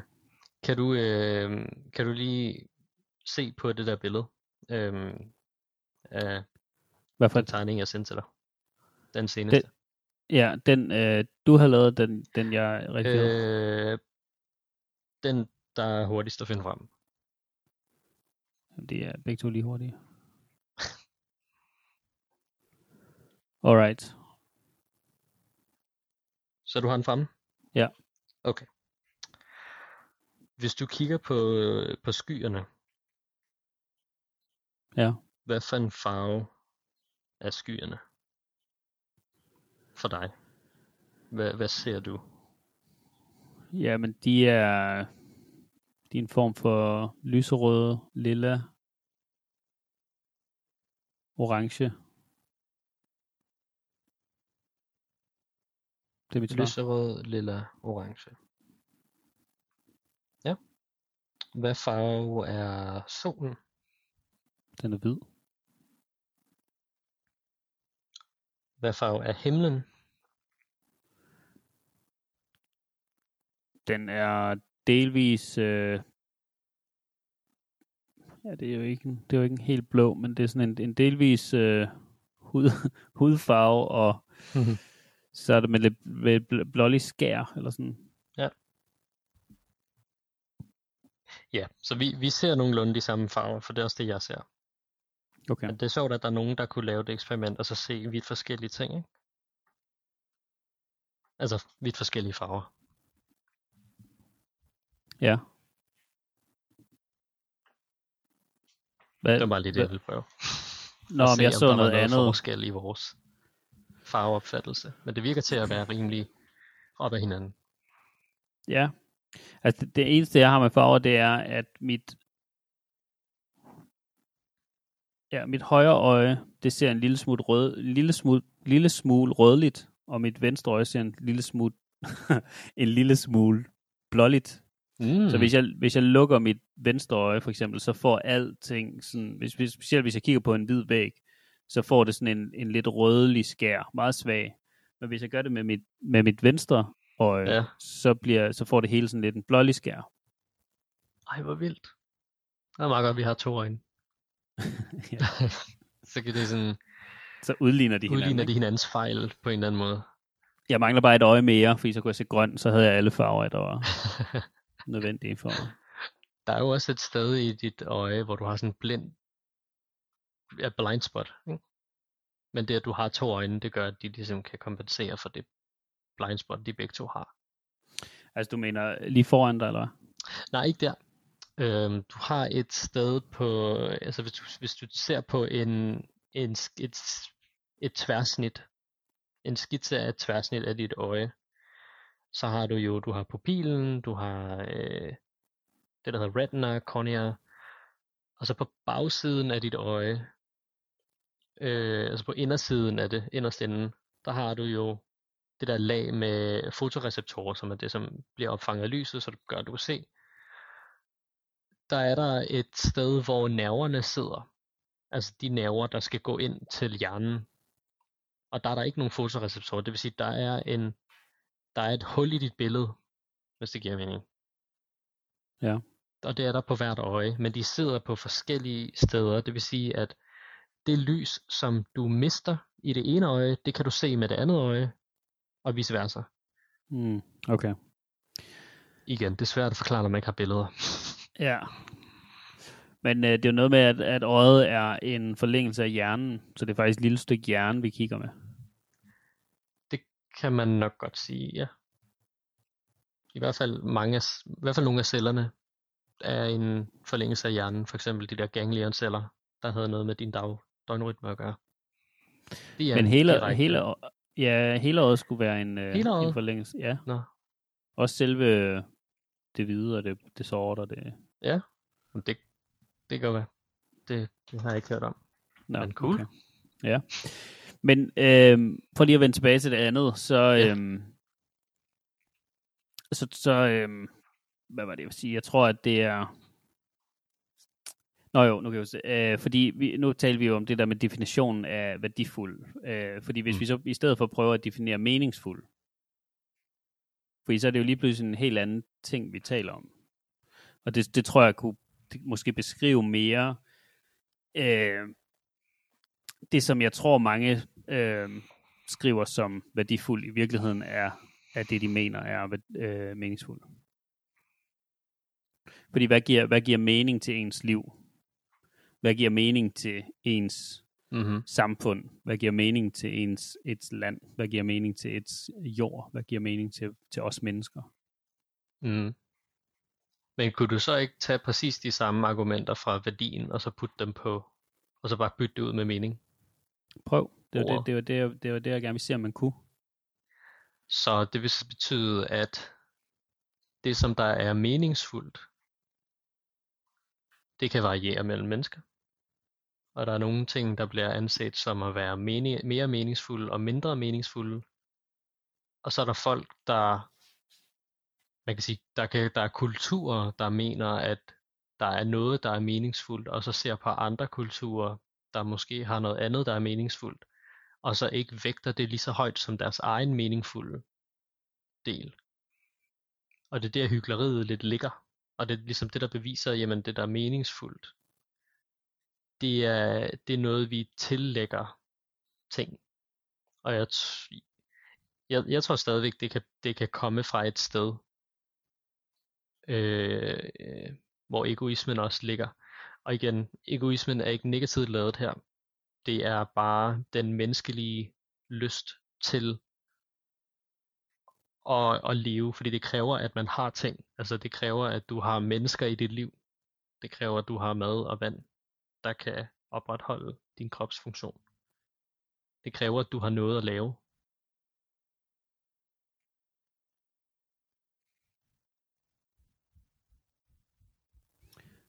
Jeg tror stadig, jeg tænker, jeg tænker meget over det i forhold til, hvordan man behandler dyr. Jeg tror, jeg tror det, det er der, hvor jeg synes, at den debat er vigtig at have. Men lad mig spørge dig om noget andet så, fordi findes der en sandhed, eller findes, findes der flere sandheder? Der findes en sandhed. Godt, så der findes en sandhed vi kan ikke vide, hvad den er. Nej, nej, men det er irrelevant. Okay, men så er det, der en det, sandhed. Ja, for det er bare det, vi skal være enige om. Der er en sandhed. Så det vil sige, at ud, fra, ud af al tid, der nogensinde har været, der er tingene fungeret hvis vi bare tager tid som en lineær ting, så er alting sket, som der er sket. Og det er sandheden. Ja. Og det kan ikke være sket på nogen andre måder, end det, der er rigtigt. Mm-hmm. Godt. Problemet er, ingen kender sandheden. Ja. Og når vi ikke kender sandheden, så skaber vi vores egen sandhed. Og når vi skaber vores egen sandhed, så kan vi give det værdier, og vi kan give det meningsfuldhed, eller vi kan give det mening i forhold til, hvem vi er som personer. Mm-hmm. I- Baseret på vores opvækst, baseret på, hvordan vi interagerer med andre mennesker, så hvad vores interesser er osv. Men så Ja. længe vi ikke er enige om, nej det kan jeg ikke engang sige, så længe vi ikke kender sandheden, så længe vi ikke kender den ene og rigtige sandhed, så kan vi ikke tale om værdier eller meningsfuldhed. Mm. Jeg er fuldstændig enig med dig. Der, hvor jeg vil tilføje noget, det er at sige, at vi kan aldrig kende sandheden, den ene sandhed. Vi er enige om, at der er en sandhed. Vi kan aldrig kende den ultimative ene sandhed. Men jeg tror, at man kan enten komme tættere på den, eller forblive langt væk fra den. Og det har man, og det er, jeg vil lige kaste en bold. Øhm, ja, så der er en, der er sandheden. Vi kan komme tættere på sandheden, og vi kan forblive længere væk fra sandheden. Og det er et valg.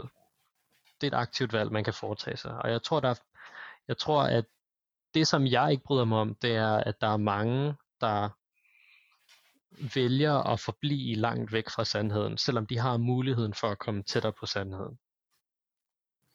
Men, men Mohammed, det kan man kun sige, hvis man selv er tæt på sandheden. Nej, nej. Du kan, du kan godt komme tættere på den, selvom du ikke ved, hvad den er. Og det gør du ved at eliminere øh, forantagelser. Det er Jamen, der det er jeg helt problemet enig i, ligger men i det- nu. Det er antagelser, som ikke er som ikke er logiske. Men det er jeg helt enig i, og det var ikke det, der var min pointe ved at sige det. Uh, min pointe er at sige, at vi, vi kan ikke sige, at, at hvis, hvis folk har muligheden for at komme tættere på sandheden, og de ikke vælger at tage det, altså det er ikke, det er, uh, jeg tror du kaldte det hyklerisk før.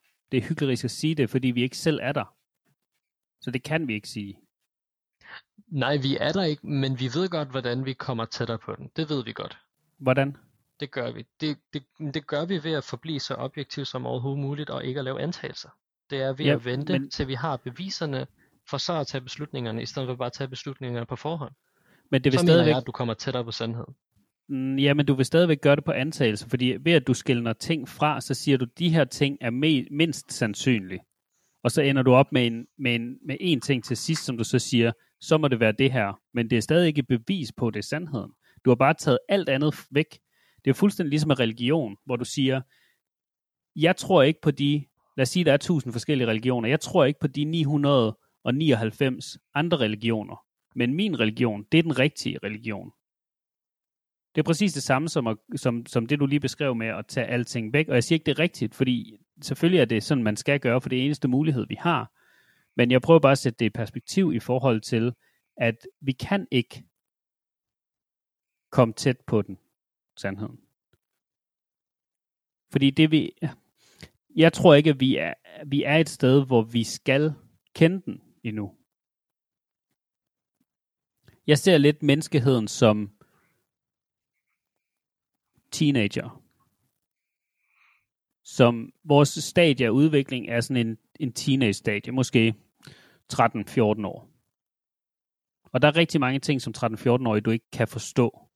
Og det er ikke fordi, du ikke vil forstå det, det er fordi, du kan ikke forstå det. Din hjerne er ikke stor nok til at lave de koblinger, der skal til, for at du kan forstå de ting.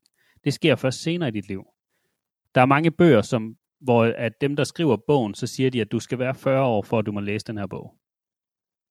Og når man kigger på det, så virker det åndssvagt, men i realiteten så giver det god mening, fordi baseret ud, på din, ud fra din hjerne, så skal der være nogle visse livserfaringer, din hjerne skal være vokset nok, til at de kan lave de koblinger, der måske er beskrevet i bogen, eller de sammenligninger eller referencer, de bruger, for at du kan forstå, hvad budskabet er.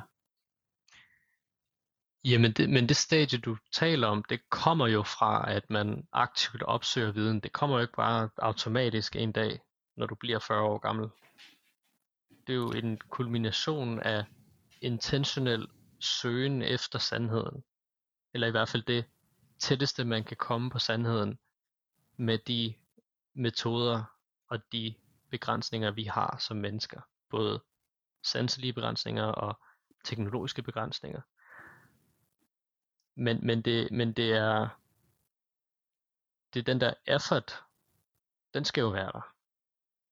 Ellers er det ligegyldigt. Og der Jamen, mener jeg... jeg bare, og jeg tror, jeg tror også, vi er nødt til, vi er nødt til at tale om det i, i konkrete eksempler nu, fordi det bliver lidt for... det, det er sådan... Vi prøver ligesom at sige alt på en gang, ikke? Fordi jeg vil ikke sige, at jeg er ikke uenig med, hvad du siger. Men jeg står stadig fast i det, som jeg siger, fordi jeg synes, at, at der er for meget der er for meget resistens over for at komme så tæt på sandheden, som vi kan komme. Og det er ikke fordi, vi ikke har mulighed for det. Det er simpelthen fordi, det er nemmere at lade være. Men så prøv, det, at komme med et, prøv, prøv at komme med et eksempel, hvor du mener, at, at vi går væk fra sandheden. Okay. Så kan vi tale lidt om fisk nu. Ja. Sådan, hvis man, øh, hvis man kender til standardpraksis inden for, hvordan man udnytter dyr i, øh, i vores samfund. Nu taler jeg moderne, vestligt, til dels også asiatisk øh, samfund. Så har man set, at man jo behandler, for det første så behandler man dyr meget værre, end man behandler mennesker. Og jeg gider ikke, jeg, altså, jeg er ikke total, jeg, jeg vil ikke lyde totalt hippie øh, eller vegansk lige nu. Jeg siger det bare, som jeg ser det. Øhm, og grunden til, at jeg siger det her, det er fordi, at vi, vi har jo den her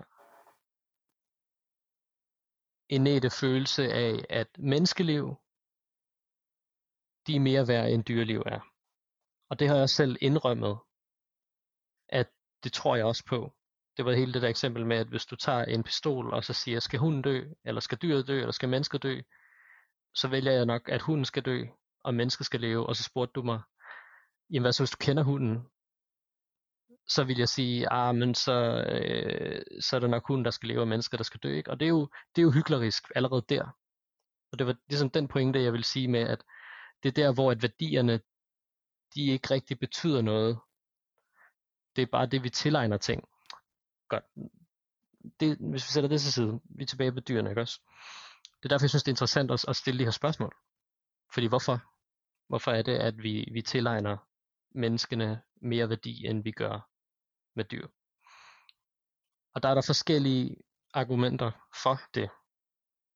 Det er sådan noget som, jamen vi er klogere, vi kan lide, vi kan føle smerte. Det plejer at være de ting, der gør, at man, øh, man har mere sympati over for mennesker end, end dyr. Fordi at der har været rigtig mange øh, antagelser omkring, at dyr ikke besidder de her egenskaber. I hvert fald ikke alle tre. Intelligens, evnen til at føle smerte, og hvad var det andet, jeg sagde? Evnen til at føle, eller lide, de ting. Ikke? Og, og selv inden for dyret, så behandler vi nogle dyr bedre end andre dyr. For eksempel fisk behandler vi rigtig, rigtig dårligt i forhold til andre dyr. De får ikke de samme reguleringstiltag, øh, som er ment for at skulle øge deres velfærd. Øh, men man har faktisk studeret fisk, og jeg skal lige så sige, ikke alle fisk, for der er så mange arter af fisk. Øh, men man har jo ligesom bare antaget, at alle fisk, jamen de har ikke brug for de her øh, reguleringer. Man har, tit, man, man har længe troet, at fisk ikke kan føle smerte. Fordi vi har en eller anden idé om, at jamen, de, blev, de opstod for 700 millioner år siden. Så de er meget primitive væsener. Vi har også svært ved at kunne se tegn, der tyder på dårlig øh, velfærd hos fisk. For de har ikke nogen, altså de laver ikke lyde, så vi kan ikke høre, når de, når de piver for eksempel. De har ikke ansigtsudtryk. De, de græder ikke, de er nede under vandet. Vi kan ikke aflæse deres følelser. Det er meget svært for os, for det er to meget forskellige miljøer, vi, vi lever i. Så det er vi ikke tilpasset til at kunne se i dem. Og så er der den, den der lineære evolutionære forståelse, som jeg også kritiserer, øhm, som får folk til at tro, at de er meget primitive. Men fisk, det kan godt være, de er opstået for 700 millioner år siden, men de har jo de har jo ikke bare forblevet i den tilstand, de startede ud som siden da. De har jo blevet ved med at udvikle sig og tilpasse sig til deres miljø. Og nu, nu er vi så her i dag med de fisk, vi har i dag. Det kan godt være, at de varierer rigtig meget i forhold til art, hvor de bor, hvordan deres liv har været. Men man har studeret fisk, man har fundet ud af, at i rigtig mange tilfælde, øh, så er de kognitivt på det samme plan, som pattedyr er. Pattedyr, som vi vil behandle meget bedre på baggrund af deres intelligens og deres evne til at føle smerte og alle de her ting. Men man har fundet ud af, at fisk, jamen de, de performer på samme level, som de her dyr gør. Altså der er, der er fisk, som kan genkende andre fisk. Der er fisk, som kan genkende deres egne ansigter. Der er fisk, som kan planlægge. For eksempel, der er, der er den her ting, der hedder en cleaner wrath. Du har sikkert hørt om den. Det er de her fisk, der svømmer ind i munden på rovdyr, og så øh, renser deres øh, gummer og tænder fra parasitter og sådan nogle ting, uden at de bliver spist. Fordi rovdyr ved godt, at øh, fisken hjælper dem, så den spiser den ikke.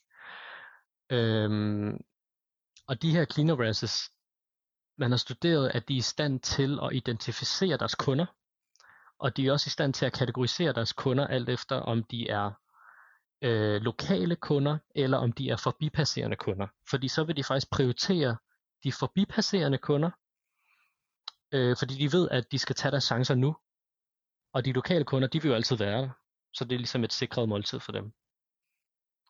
Så det har man fundet ud af. Man har også fundet ud af, hvis du ser på det fysiologisk og neurologisk, at de har de samme mekanismer, som vi har, for at kunne føle smerte. Det er der, vores blev udviklet fra. Det var fra dem, vi ser i fisk.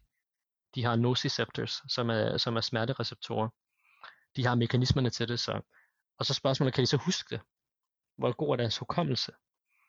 Og der har man fundet ud af, jamen der er fisk, som kan huske op til 15 personer, eller 15 individer fra den samme art. Der er fisk, som kan huske ting, de har oplevet flere år siden. Øhm, for eksempel en, øh, en gede, der er blevet øh, fanget med en krog. Den vil udvise adfærd, øh, der gør, at den vil undvige en krog op til flere år efter, at det sker. Det vil en gede, der aldrig er blevet fanget med en krog, ikke gøre. Så der er, der er en form for, det, det er jo derfor smerte er en ting jo.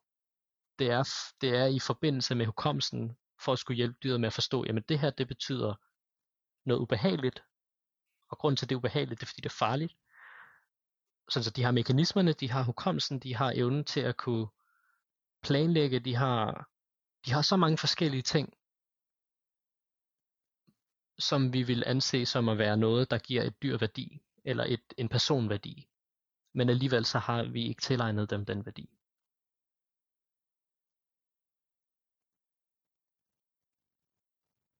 Giver det mening? Ja, ja, jeg venter bare lidt på, øh, hvad den der sandhed er, som jamen, du sandheden, mener, folk ikke vil jamen, anerkende. Så, så vil jeg sige, jamen, jamen vi, har, vi har en tydelig forskel i den måde, vi behandler dyr på, især fisk, uden at der er videnskabeligt belæg for, at de er lavere stående i forhold til øh, intelligens, evne til at føle smerte, evne til at føle. For der er mange af de her ting, som vi ikke vidste. Og nu hvor vi faktisk ved nogle af tingene, som direkte modsiger det, vi har antaget, så har vi stadig ikke ændret på noget. Og der er stadigvæk mange ting, som vi ikke ved, men som vi stadigvæk antager, og som, som vi stadig accepterer rigtigt. Og det er jo bare ren bias. Så jeg tror, jeg tror det, det, det, det, det jeg mener. Det der, altså, sandheden er ikke, at fisk er lavere stående væsener i forhold til katte og hunde. Og derfor så, øh, så synes jeg ikke, så synes jeg det er hyklerisk, at vi behandler dem på forskellige måder. Det er, det er, jo, det er jo ren menneskelig bias, vil jeg sige. I hvert fald i, i forhold til den litteratur, vi har nu. Så det, det du advokerer for, det er, at der kommer nogle, nogle retningslinjer i forhold til, hvordan man fisker. Ja, fisker og opdrætter fisk behandler fisk i eksperimentel sammenhæng. Fordi altså, man, man giver jo ikke fisk uh, smertestillende medicin, når man, når, man, når man laver noget med dem. Det gør man med andre dyr. Men, men er der nogen, der er uenige i det, du siger? Ikke, øh, ikke videnskabsfolk. Men, øh, men de, de love og, og regler, som der er implementeret, de, de anerkender ikke de her ting. De vil aktivt prøve at modsige dem. Og det er jo fordi, at det er, det er, jo, det er jo fordi, at hvis vi, så, hvis vi så begynder at acceptere de her ting, som at værende rigtige, så er vi også lige, nødt, så er vi også lige pludselig nødt til at handle på dem. Og den handling, det, de indgreb, der bliver implementeret på grund af det, de vil være sygt bekostelige for en af de største industrier, der er i verden, som er fiskeriet. Ja, men, øh, men, men altså, det, det ser ud til, at det, det gør ikke nogen noget, fordi at øh, grøn, grøn omstilling er jo også sygt, øh, koster også rigtig meget, og påvirker rigtig, rigtig mange, men det påvirker mennesker, det gør man jo alligevel.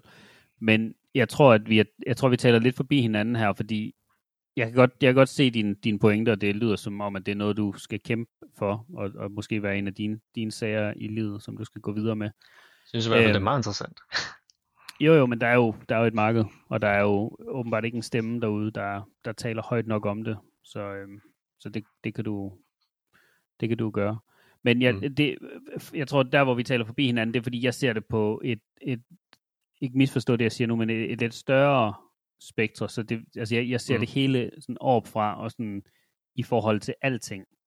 Hvor mm-hmm. at, at det, du beskriver her, det er sådan lidt mere en, en specifik ting, hvor, at, hvor at nogen vælger, og det kan godt være, at nogen ikke har den viden i forhold til fiskere, og måske ikke har den viden, fordi det har de altid gjort, så det er sådan, de bliver ved med at gøre det. Men at, mm. at jeg tror ikke, det er nødvendigvis en bes, specifik beslutning, de har taget om, at nu vil vi gerne gøre fisk ondt, selvom de ved det her. Jeg tror mere, det er, er en ting om, at altså uvidenhed, hvor at... Ah, der er jeg ikke enig, men okay. Nej, det, det, altså jeg, kender, jeg er ikke fisker, jeg kender ikke nogen fisker, nej, nej, så jeg men ved det, ikke... Det, altså jeg, jeg vil bare sige, at jeg, jeg, jeg tror ikke, det er et spørgsmål om, om uvidenhed, fordi i virkeligheden så har vi også været uvidende omkring alle de andre dyr. Men vi har bare antaget, at nogen er mere værdifulde end de andre. Men det var det. Ja, men det, jamen, det kan godt være. Øhm, altså, øhm, ja, ja, det, i forhold til det, grund til at banke sandhed på banen, det er jo fordi, mm. at, at hvis, hvis man bare kigger helt overordnet på det i forhold til altid og al, alt eksisterende, og ikke går ned i, i, i sådan detaljer, men bare kigger på alt eksisterende, så, så det, der hvor jeg mener, der er en, en sandhed, der gør sig gældende, det er i forhold til, hvor vi er, hvem vi er, og hvorfor vi er her. Det, det, du ved, de der ting er jo sådan set årsagen til alle andre spørgsmål. Alt, alt ud over det er, er lidt irrelevant, når man kigger på det store billede. Og det er der, hvor jeg mener, at den sandhed, som vi ikke kan komme tæt på, kan vi ikke komme på, for vi er ikke klar til at komme derhen, eller vi er ikke i stand til at komme derhen endnu. Det er derfor, der er alle mulige andre alternativer, som prøver at svare på det. Som men religion, når, så snart, eller? Ja, både altså, som religion, men også øh, altså filosof, filosofer og alle mulige andre har og jo også forsøgt at, og videnskaben også, forsøger også at svare, det samme, svare det på det samme. Et, uh... Men allerede der, det var tre forskellige ting, vi, vi nævnte, og det er tre forskellige sandheder, som, som nogle gange clasher med hinanden. Så derfor kan du med ro i maven afskrive alle og sige, jeg behøver ikke tro på nogen af dem, fordi der er kun én sandhed, så hvis du tager den ene, så ekskluderer du to, hvis du tager den anden, så ekskluderer du de to andre.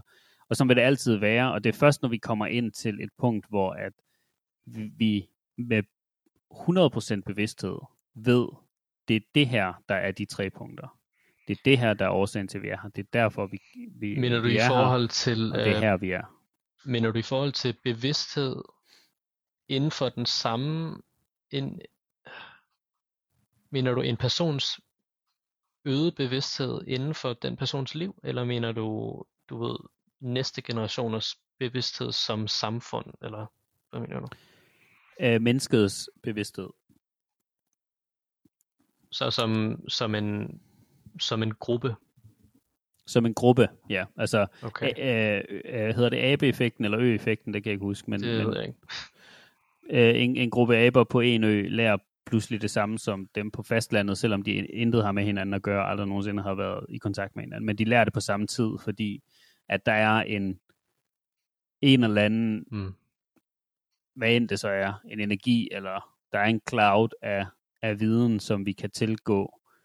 Øhm, som, og, og der er en vis grad af den energi, som vi kan altså det er lidt ligesom en, en øh, hedder det bredbånd, du ved, hvor, hvor mange gigabytes kan du uploade og downloade, og der er vi, i forhold til det, jeg sagde tidligere, der er vi på et stadie, hvor vi kan ikke downloade så meget endnu.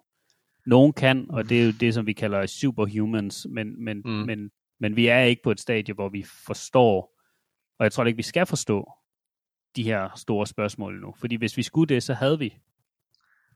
Ved du... Fordi der er et, jeg vil lige, jeg vil lige færdiggøre den her, for der er, et, Mm. der, er et, der er et svar på det. Fordi der er kun én sandhed, og den sandhed kan ikke variere.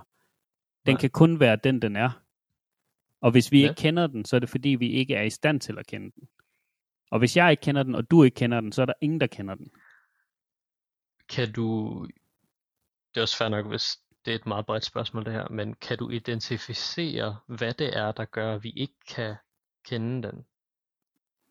Jamen, det var det, jeg sagade Altså, tidligere. Hvad er anderledes for os nu, og så den oplyste menneskelighed, du taler om i fremtiden?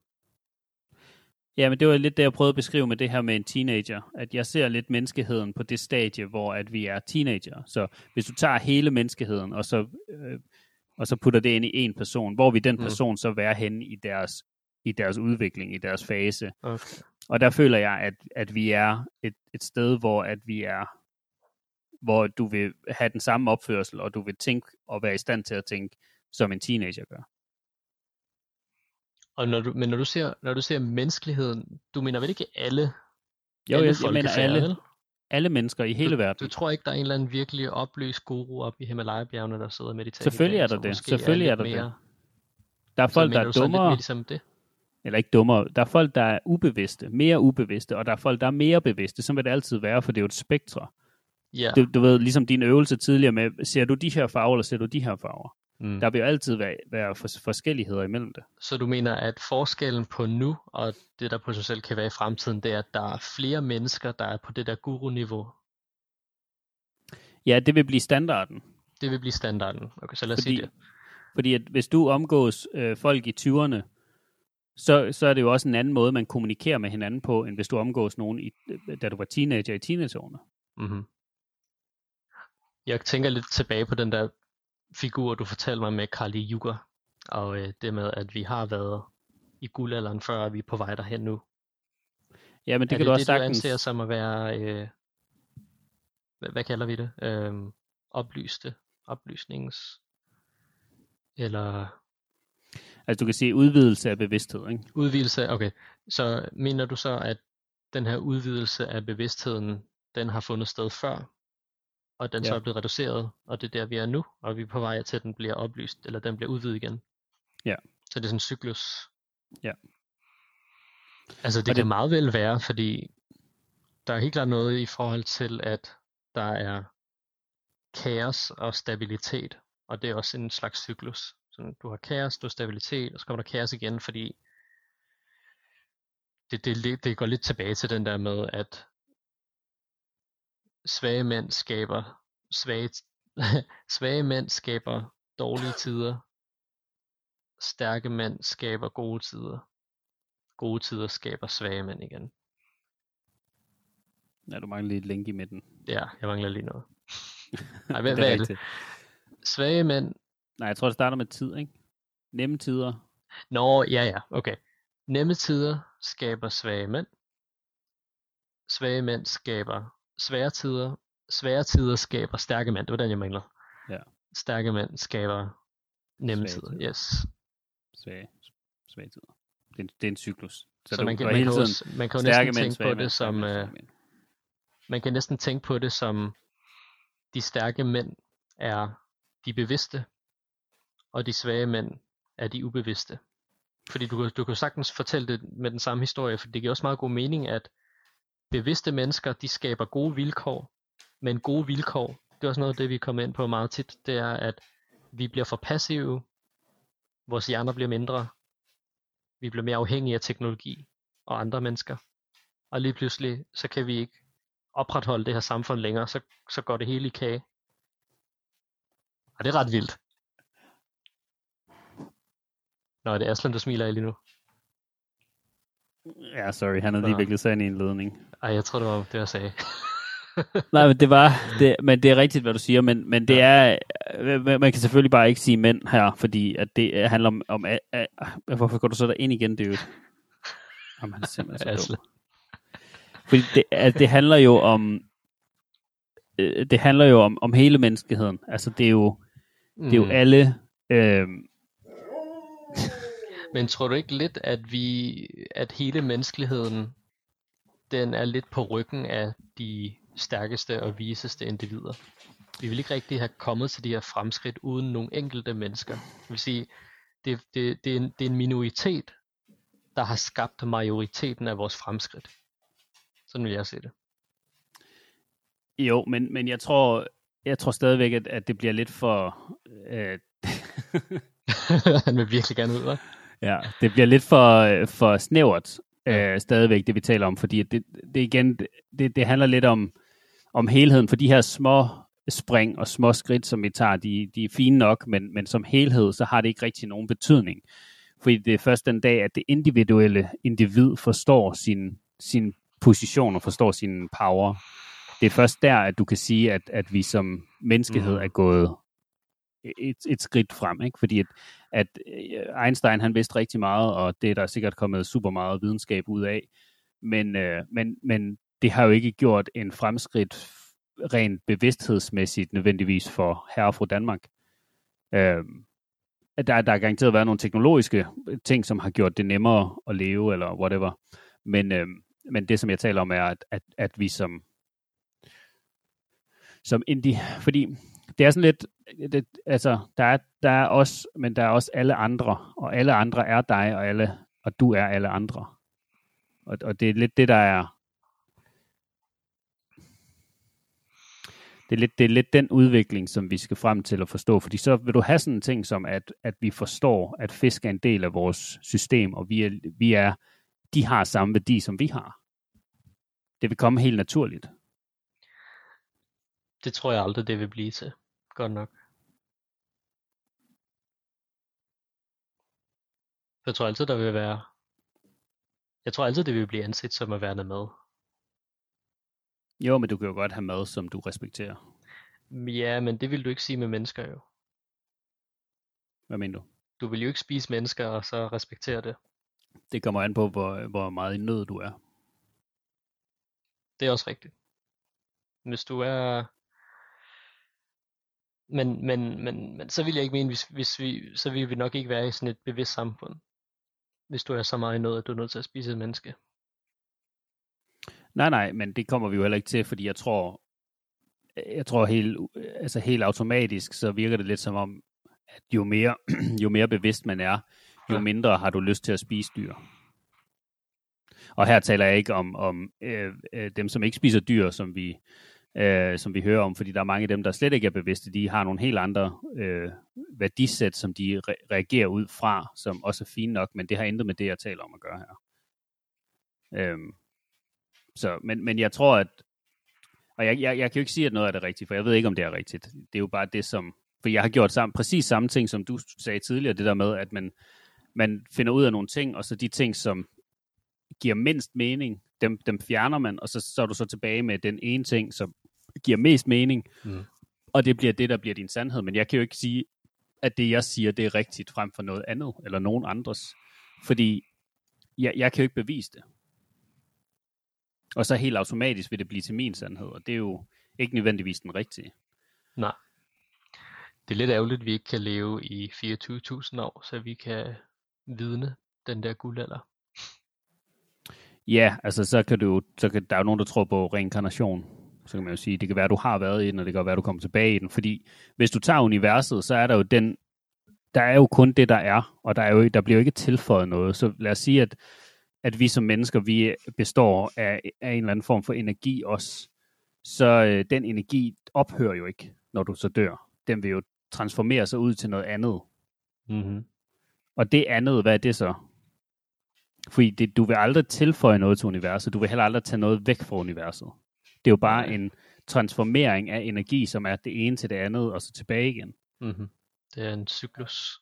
Det er en cyklus, så i virkeligheden, så har vi jo alle sammen været her fra starten af universet, og vi vil alle sammen være her til slutningen af universet, hvis, ja. hvis, hvis sådan en ting findes.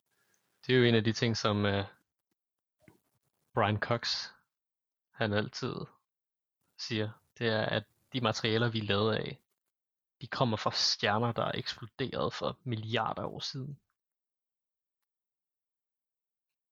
Det er ret vildt at tænke på. Ja, Stardust.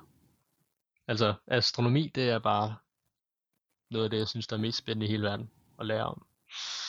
Men det er også Astro en af de ting, man forstår allermindst. Og som man, man overhovedet ikke har mulighed for selv at drage konklusioner på. Der er vi virkelig, virkelig afhængige af, af de folk, der er eksperter i det. Og så er vi nødt til at acceptere, at det, de fortæller os er rigtigt. Men jeg skal lige forstå. Spændende. Mohammed, hvad sagde du? Astrologi eller astronomi? Astronomi. Astronomi, okay. Ja, ikke astrologi. Men, Men det, øhm, det er også meget sjovt. Altså, hvis folk er interesseret, så er jeg skytte. Ikke at jeg baserer meget værdi i det, men øh, det er da cool nok, at jeg er skytte. Ja, men det, de kan ikke rigtig bruge det sådan noget, udover hvis de kender din fødselsdato og tidspunkt og sådan noget ting. Jamen, så ved de vel, det, det er omkring vintertid. Så. Ja, ja, men, men de har jo ikke nogen dato. Altså, planeterne nej. står jo ikke ens. Nej, nej, det er det. Altså, dit, dit fødselstegn, det er der ikke længere på din fødselsdag. altså op i stjernehimlen. Det er jo blevet oh. helt for skudt siden da. Altså, hvis jeg kigger op Nå, ja, ja. på altså, stjernehimlen altså, skal... i december måned, så ser jeg ikke skytten. Eller i hvert fald ikke der, hvor den var. Nej, det vil du komme til, hvis du lever længe nok, så vil den jo være præcis igen samme sted, ja. ikke? Det kan være, at Elon han finder en måde at downloade vores øh, bevidsthed på en computer, så vi kan opleve det. Elon, han skal til at holde sin kæft. jeg, jeg, jeg, seriøst, for fem år siden, der var jeg stor fan. Jeg var pro ham, 100%. Mm-hmm. Men nu, nu begynder jeg at være lidt træt af ham, fordi han er sådan, først så er han højre, så er han venstre, og så vil han samtidig også downloade vores hjerner ned til et eller andet, øh, et eller andet computerspil, eller whatever, du ved, hvor det er sådan, yeah. okay dude, er, er, du, er du, vil du også gerne, eller vil du også ikke rigtigt? Jeg har sgu svært ved at forstå det efterhånden. Ja, jeg synes, han er en meget, meget interessant person at følge. Eller, altså, jeg følger ham ikke på de sociale medier. Jeg mener bare, at jeg synes, hans idéer, de er meget øh, ambitiøse. Og det Bestemt. synes jeg, det, det, det er noget, jeg finder tiltrækkende, det vil jeg alle gerne indrømme. Altså, jeg ved ikke, hvad hans intentioner er. Altså, det, det kunne for alt, hvad jeg ved, være verdensherredømme. Det ved jeg ikke. Selvfølgelig er det men, det. øh, men du må da indrømme, at hans idéer er ret vilde, og han har været konsistent i at videreføre de idéer, han har haft. Og det får dig jo kun til at tænke, jamen hvad kan han ellers få til at ske? Og det kan godt ende med at være vores undergang, men øh, det bliver da en sjov film. Ja, altså jeg vil, da, jeg vil da gerne se den. Det skal jeg da ikke uh, Det er jo det, ikke? På, det er ligesom de der men... Disney remakes, vi havde, at de blev ved med at lave dem, men vi ser dem alligevel. Ja, det må jeg altså ikke set. Men, men jeg, øh, altså, jeg er jo ikke fan af hele den der øh, øh, sammensmeltning af menneske og teknologi. Jeg synes jo, det er en lille smule klamt, fordi mm. at, øh, det ærger mig rigtig meget, at der er så stort et, et skub mod øh, transhumanism. Jeg ved ikke lige, hvad, hvad det danske ord for det vil være, men... Cyborgism. ja, det var vist også bare engelsk, var det ikke det? ja. men, men det, det, cyborg på dansk. Cyborgisme, så. Ja, cyborgisme. så er det dansk. øh, fordi jeg, jeg, jeg, jeg kan ikke, altså, jeg, nogle af delene synes jeg er fint nok, men, men at der er så stort et skub i den retning, har jeg, ikke, har jeg svært ved at forstå, fordi det er sådan lidt, mm hvad er pointen? Altså, hvorfor, hvorfor er det absolut den retning, vi skal gå i? Der, der findes jo alle mulige andre retninger, vi kunne gå i, og så er det denne her, vi smider så mange milliarder kroner efter. Altså, det, det giver i hvert fald ikke mening i forhold til sunde og raske mennesker, men det giver god mening i forhold til de mennesker, der vil øge deres livskvalitet. Sådan med bioniske læmer, og sådan, hvis de har mistet en arm eller noget. Eller de har mistet deres syn, så det er måske meget cool, at de kan se igen. Men, men igen, Elon han han skubber jo også for integrationen af teknologi i, i mennesker, som du ved, ikke har nogen ønsker om øget livskvalitet. Han vil bare gerne have, at vi bliver klogere og, og mere effektive til at være maskiner. Jeg, Men, synes ikke, jeg synes ikke, det er en god idé, for jeg synes også, der er noget, der er noget smukt ved at bare være menneske. Ja, det er altså helt enig. Det er fantastisk, at vi får lov til at opleve at være menneske. Ikke? Altså, men, ja. Så, så det virker lidt som om, at man, nu siger jeg ikke, at det er Elon, der gør det, men den, den gruppe af mennesker, som jeg tror, han er en del af, altså det virker lidt som om, at de gerne vil lave deres eget univers, hvor de selv kan være guder, fordi i det her kan de ikke. At det er sådan lidt den fornemmelse, man får, ikke? fordi det ja. hele skal være skubbet over til sådan en Sims-agtig mm. øh, eksistens for os alle sammen, hvor, hvor det ender med, at vi er sådan Wall-E, det sidder oppe på det der rumskib, røvfede, alle sammen i vores lænestol, og så laver vi ikke en skid, fordi at uh, robotterne gør det, og det er dem, der, dem, der ejer robotterne, som Det er jo lidt der, vi er på vej altså, hen. Det er jo lige præcis der, vi er på vej hen, hvis det fortsætter det noget af den vej, som han tegner. Bekvemmelighed over alt andet. Det ja. virker til at være det, man værdsætter nu. Det er bekvemmelighed. Og hvis det er det, vi værdsætter, jamen, så ender vi med at bare at få alt til at blive gjort af maskiner. Så vi bare skal give, give ind for vores impulser. Altså vores, jo... vores nydelsesimpulser. Og det er, jo, det er jo ikke det, der er sundt for os, det ved vi også godt. Nej, og så, så er vi jo bare øh, sådan nogle øh, energimaskiner, øh, de kan høste vores energi fra, ikke? og så kan de sidde og, og, og, øh, og have det røvfedt, mens vi andre vi så ikke har noget energi tilbage, fordi at det hele er blevet høstet af de der dæmoniske herrer. øh, hvad hedder det? Konger af verden, ikke? Men, øh, mm-hmm. men jeg, jeg synes, der er noget... Der, altså, jeg, jeg føler, at der er sådan en, en bevægelse af er flere og flere mennesker, som gerne vil noget naturligt, og som går mere i den retning, og, og gerne vil tilbage til naturen, og sådan ligesom finde, ikke sig selv, men finde sine rødder på en eller anden måde, som, som jeg er ret stor fan af, også fordi jeg selv går mere og mere op i det, og, og forsøger at være mere og mere i, i et med, med hvor vi, ikke hvor vi kommer fra, for det ved vi ikke, men i hvert fald, hvad vi kommer ud af. Øhm, og jeg mm. kan se, at der er rigtig mange, som går mere og mere i den retning, og jeg synes, det er rigtig vigtigt, at, at det ikke bliver, øh, at de ikke får mundkurv på, og de, at de får lov til også at tale, og får lov til at, at mm. sætte ord på, hvordan, hvordan verden kan være. Og jeg, jeg er også enig med dig. Jeg tror også, at den måde, som den retning, du er i gang med at gå i, det er også den retning, der vil føre mest mening og lykke med sig øh, for enden af vejen. Fordi hvis du nogensinde har oplevet øh, jægersamlerkultur, eller kender nogen, som har oplevet jeres samlerkultur, altså været i det, og de kommer fra den vestlige verden, men de så har prøvet at være i det, så vil de højst sandsynligt fortælle dig, at det er nogle af de, det, det er nok noget af det, det er nok den bedste tid i deres liv, fordi at de har, de har oplevet, hvordan det virkelig er at leve nu. Ja. Og de er blandt mennesker, som konstant bare nyder at være i nuet. Fordi at alle deres materielle krav, de, de bliver øh, de bliver forsørget for, men ikke af andre, men af dem selv.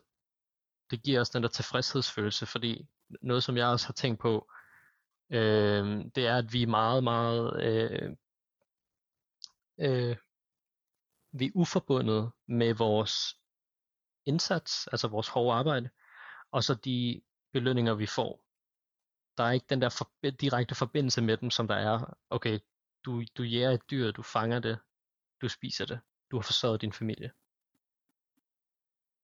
Der er, der er, der er nogle neurologiske ting op i hjernen, der, øh, der, øh, der, der belønner dig for at gøre ting. Og jeg tror bare ikke, at du får de der belønninger på samme måde, når du arbejder på et kontorjob. Eller ved at gå ned og handle i Kvickly. Jamen lige præcis, ikke? Det, det er jo de to ting, der er forbundet. Ja. Og alligevel ikke. De er ikke forbundet på samme måde som at jage. Og så forsørge sin familie med det måltid, man har fanget. For de bliver hyldet som helte.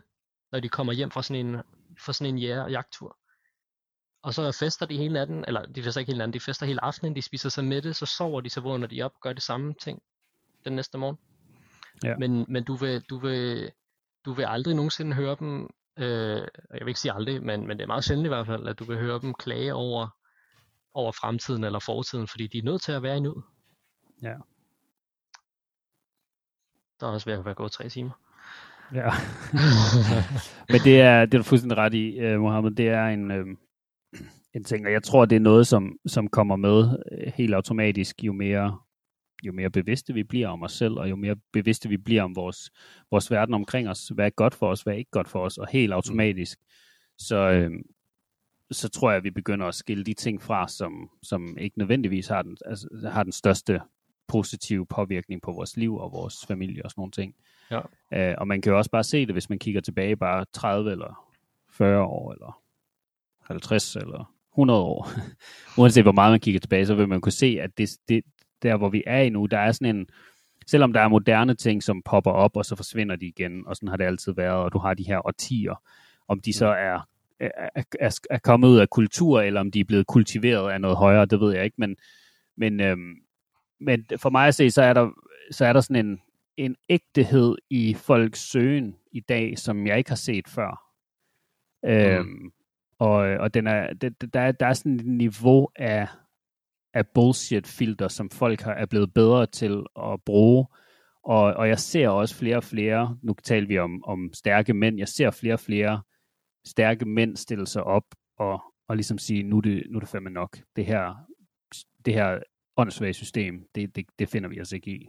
Mm. vi, vil, vi vil ikke være slaver under et regime, som, som ikke har vores uh, intentioner med sig, eller gør det for vores skyld, de gør det for penge og for deres egen magt og alt muligt andet, og det gider vi ikke mere, fordi vi, vi er lige så meget værd, vi har lige så meget værdi, som, som alle andre har. Så, så, øh, så jeg oplever, at, at den, den søgen på sandhed, der sker i dag, er mere ægte, end jeg har set ud fra, mm. hvad jeg har læst i historiebøgerne i hvert fald. Og viljen til faktisk at gennemføre det, de prædiker. Lige præcis stå bag sin sandhed og, og stå ved sit ansvar. Øhm, og, og, det, og det er lidt ligesom om, det kommer mere i, i, jo mere grounded du bliver på en eller anden måde, jo mere kommer det ansvarsfølelse, og jo mere bevidst bliver man om, om, om hvor, hvor magt, ikke hvor magtfuld, men hvor meget, hvor meget power man har, hvor meget vi selv kan være med til at forme vores virkelighed. Mm. Og hvor vigtigt det er, at vi, at vi tager ansvar for vores tanker, og vi tager ansvar, ansvar for vores sprog, og vi tager ansvar over for, hvordan vi er over for andre mennesker. Fordi det er det, der er med til at skabe den, det, det, den virkelighed, vi er i. Og hvis alle sammen er negative, og alle sammen øh, er voldelige over for hinanden, så er det også det, vi vil manifestere i verden. Så er det en verden af, af ondskab og, og vold. Og det er ikke nødvendigvis det, som vi behøver at have. Mm. Godt sagt. Jeg er også enig med dig. Jeg vil sige, bare lige helt kort for at slutte af. Jeg synes, der er mange ting, vi kan være taknemmelige for. Men der er også mange ting, der kan blive gjort anderledes og bedre. Ja. Og mange af de ting har du lige nævnt. Vi skal jo vælge de ting, som giver mening at tage med videre. Ja. Og så skal vi alt, alt det andet bras. Det skal vi sige, det var sjovt, men vi lader det ligge her. Og så fortsætter mm. vi mod en fremtid, som giver værdi for alle mennesker og alle dyr. Ja, plads til, at folk kan finde værdi i forskellige ting også. Og det ikke alt sammen bare bliver en kultur, men vi faktisk også prøver at vedligeholde noget, noget, noget diversitet og noget unikhed. Ja. Og det er selvfølgelig svært at gøre begge dele, kan man sige. Det er svært at, at forbedre det og gå i en retning, og så også opretholde forskelligheder. Nej, det, det, altså det føler jeg ikke, det vil være, fordi det handler jo igen om, at når vi får styr på, hvad, menings, hvad der er meningsfuldt, og hvad der rent faktisk er værdifuldt, når vi, når vi bliver enige om det, så kan man jo sagtens gå ned og altså, så kan du jo sagtens gå ned ad forskellige veje og gøre de ting på, på mm. hver sin måde, fordi udgangspunktet vil være det samme, og resultatet vil være det samme. Men om du så bruger mere øh, cayenne peber i din ret, end, end man gør et andet sted, det har jo ikke nødvendigvis noget med hinanden at gøre. Nej. Men, Så jeg men tror, der er, der er rig mulighed for, for diversitet, og der er rig mulighed for, at man bibeholder sin individuelle øh, i- i sin in- individualitet, Mm. samtidig med, at vi som enhed går mod noget, som er bedre for alle. Det er også rigtigt. Jeg tror godt nok, at det, det er meget håbfuldt i hvert fald og antage, at vi kan blive enige om, hvad den retning er. Det er jeg ret sikker på, at vi kan, fordi det eneste, vi skal, det eneste, vi skal af med i den her verden, for at, at vi kan komme til et sted, som er bedre, det er korruption. Det er det eneste, der ligger til grund for, at verden er, som den er. Men kan vi så udradere korruption? Det kan vi godt, hvis vi vender, hvis vi vender øh, magtpyramiden rundt, så kan vi udrydde det. Jamen, det vil jeg også ærligt gerne indrømme, fordi hvis jeg, hvis jeg tror, at man kan gøre alt, hvad man kan for at komme tættere på sandheden, så tror jeg også, at man kan gøre alt, hvad man kan for at komme tættere på et sted, hvor der ikke er korruption. Så ja, det, Ja. det er i hvert fald noget, man kan stræbe efter. Og det, Ja. det skal vi jo også bare gøre. Vi skal stræbe efter, Det synes jeg, det vil være en god start. og så Men altså- huske at nyde det, vi faktisk har i mellemtiden.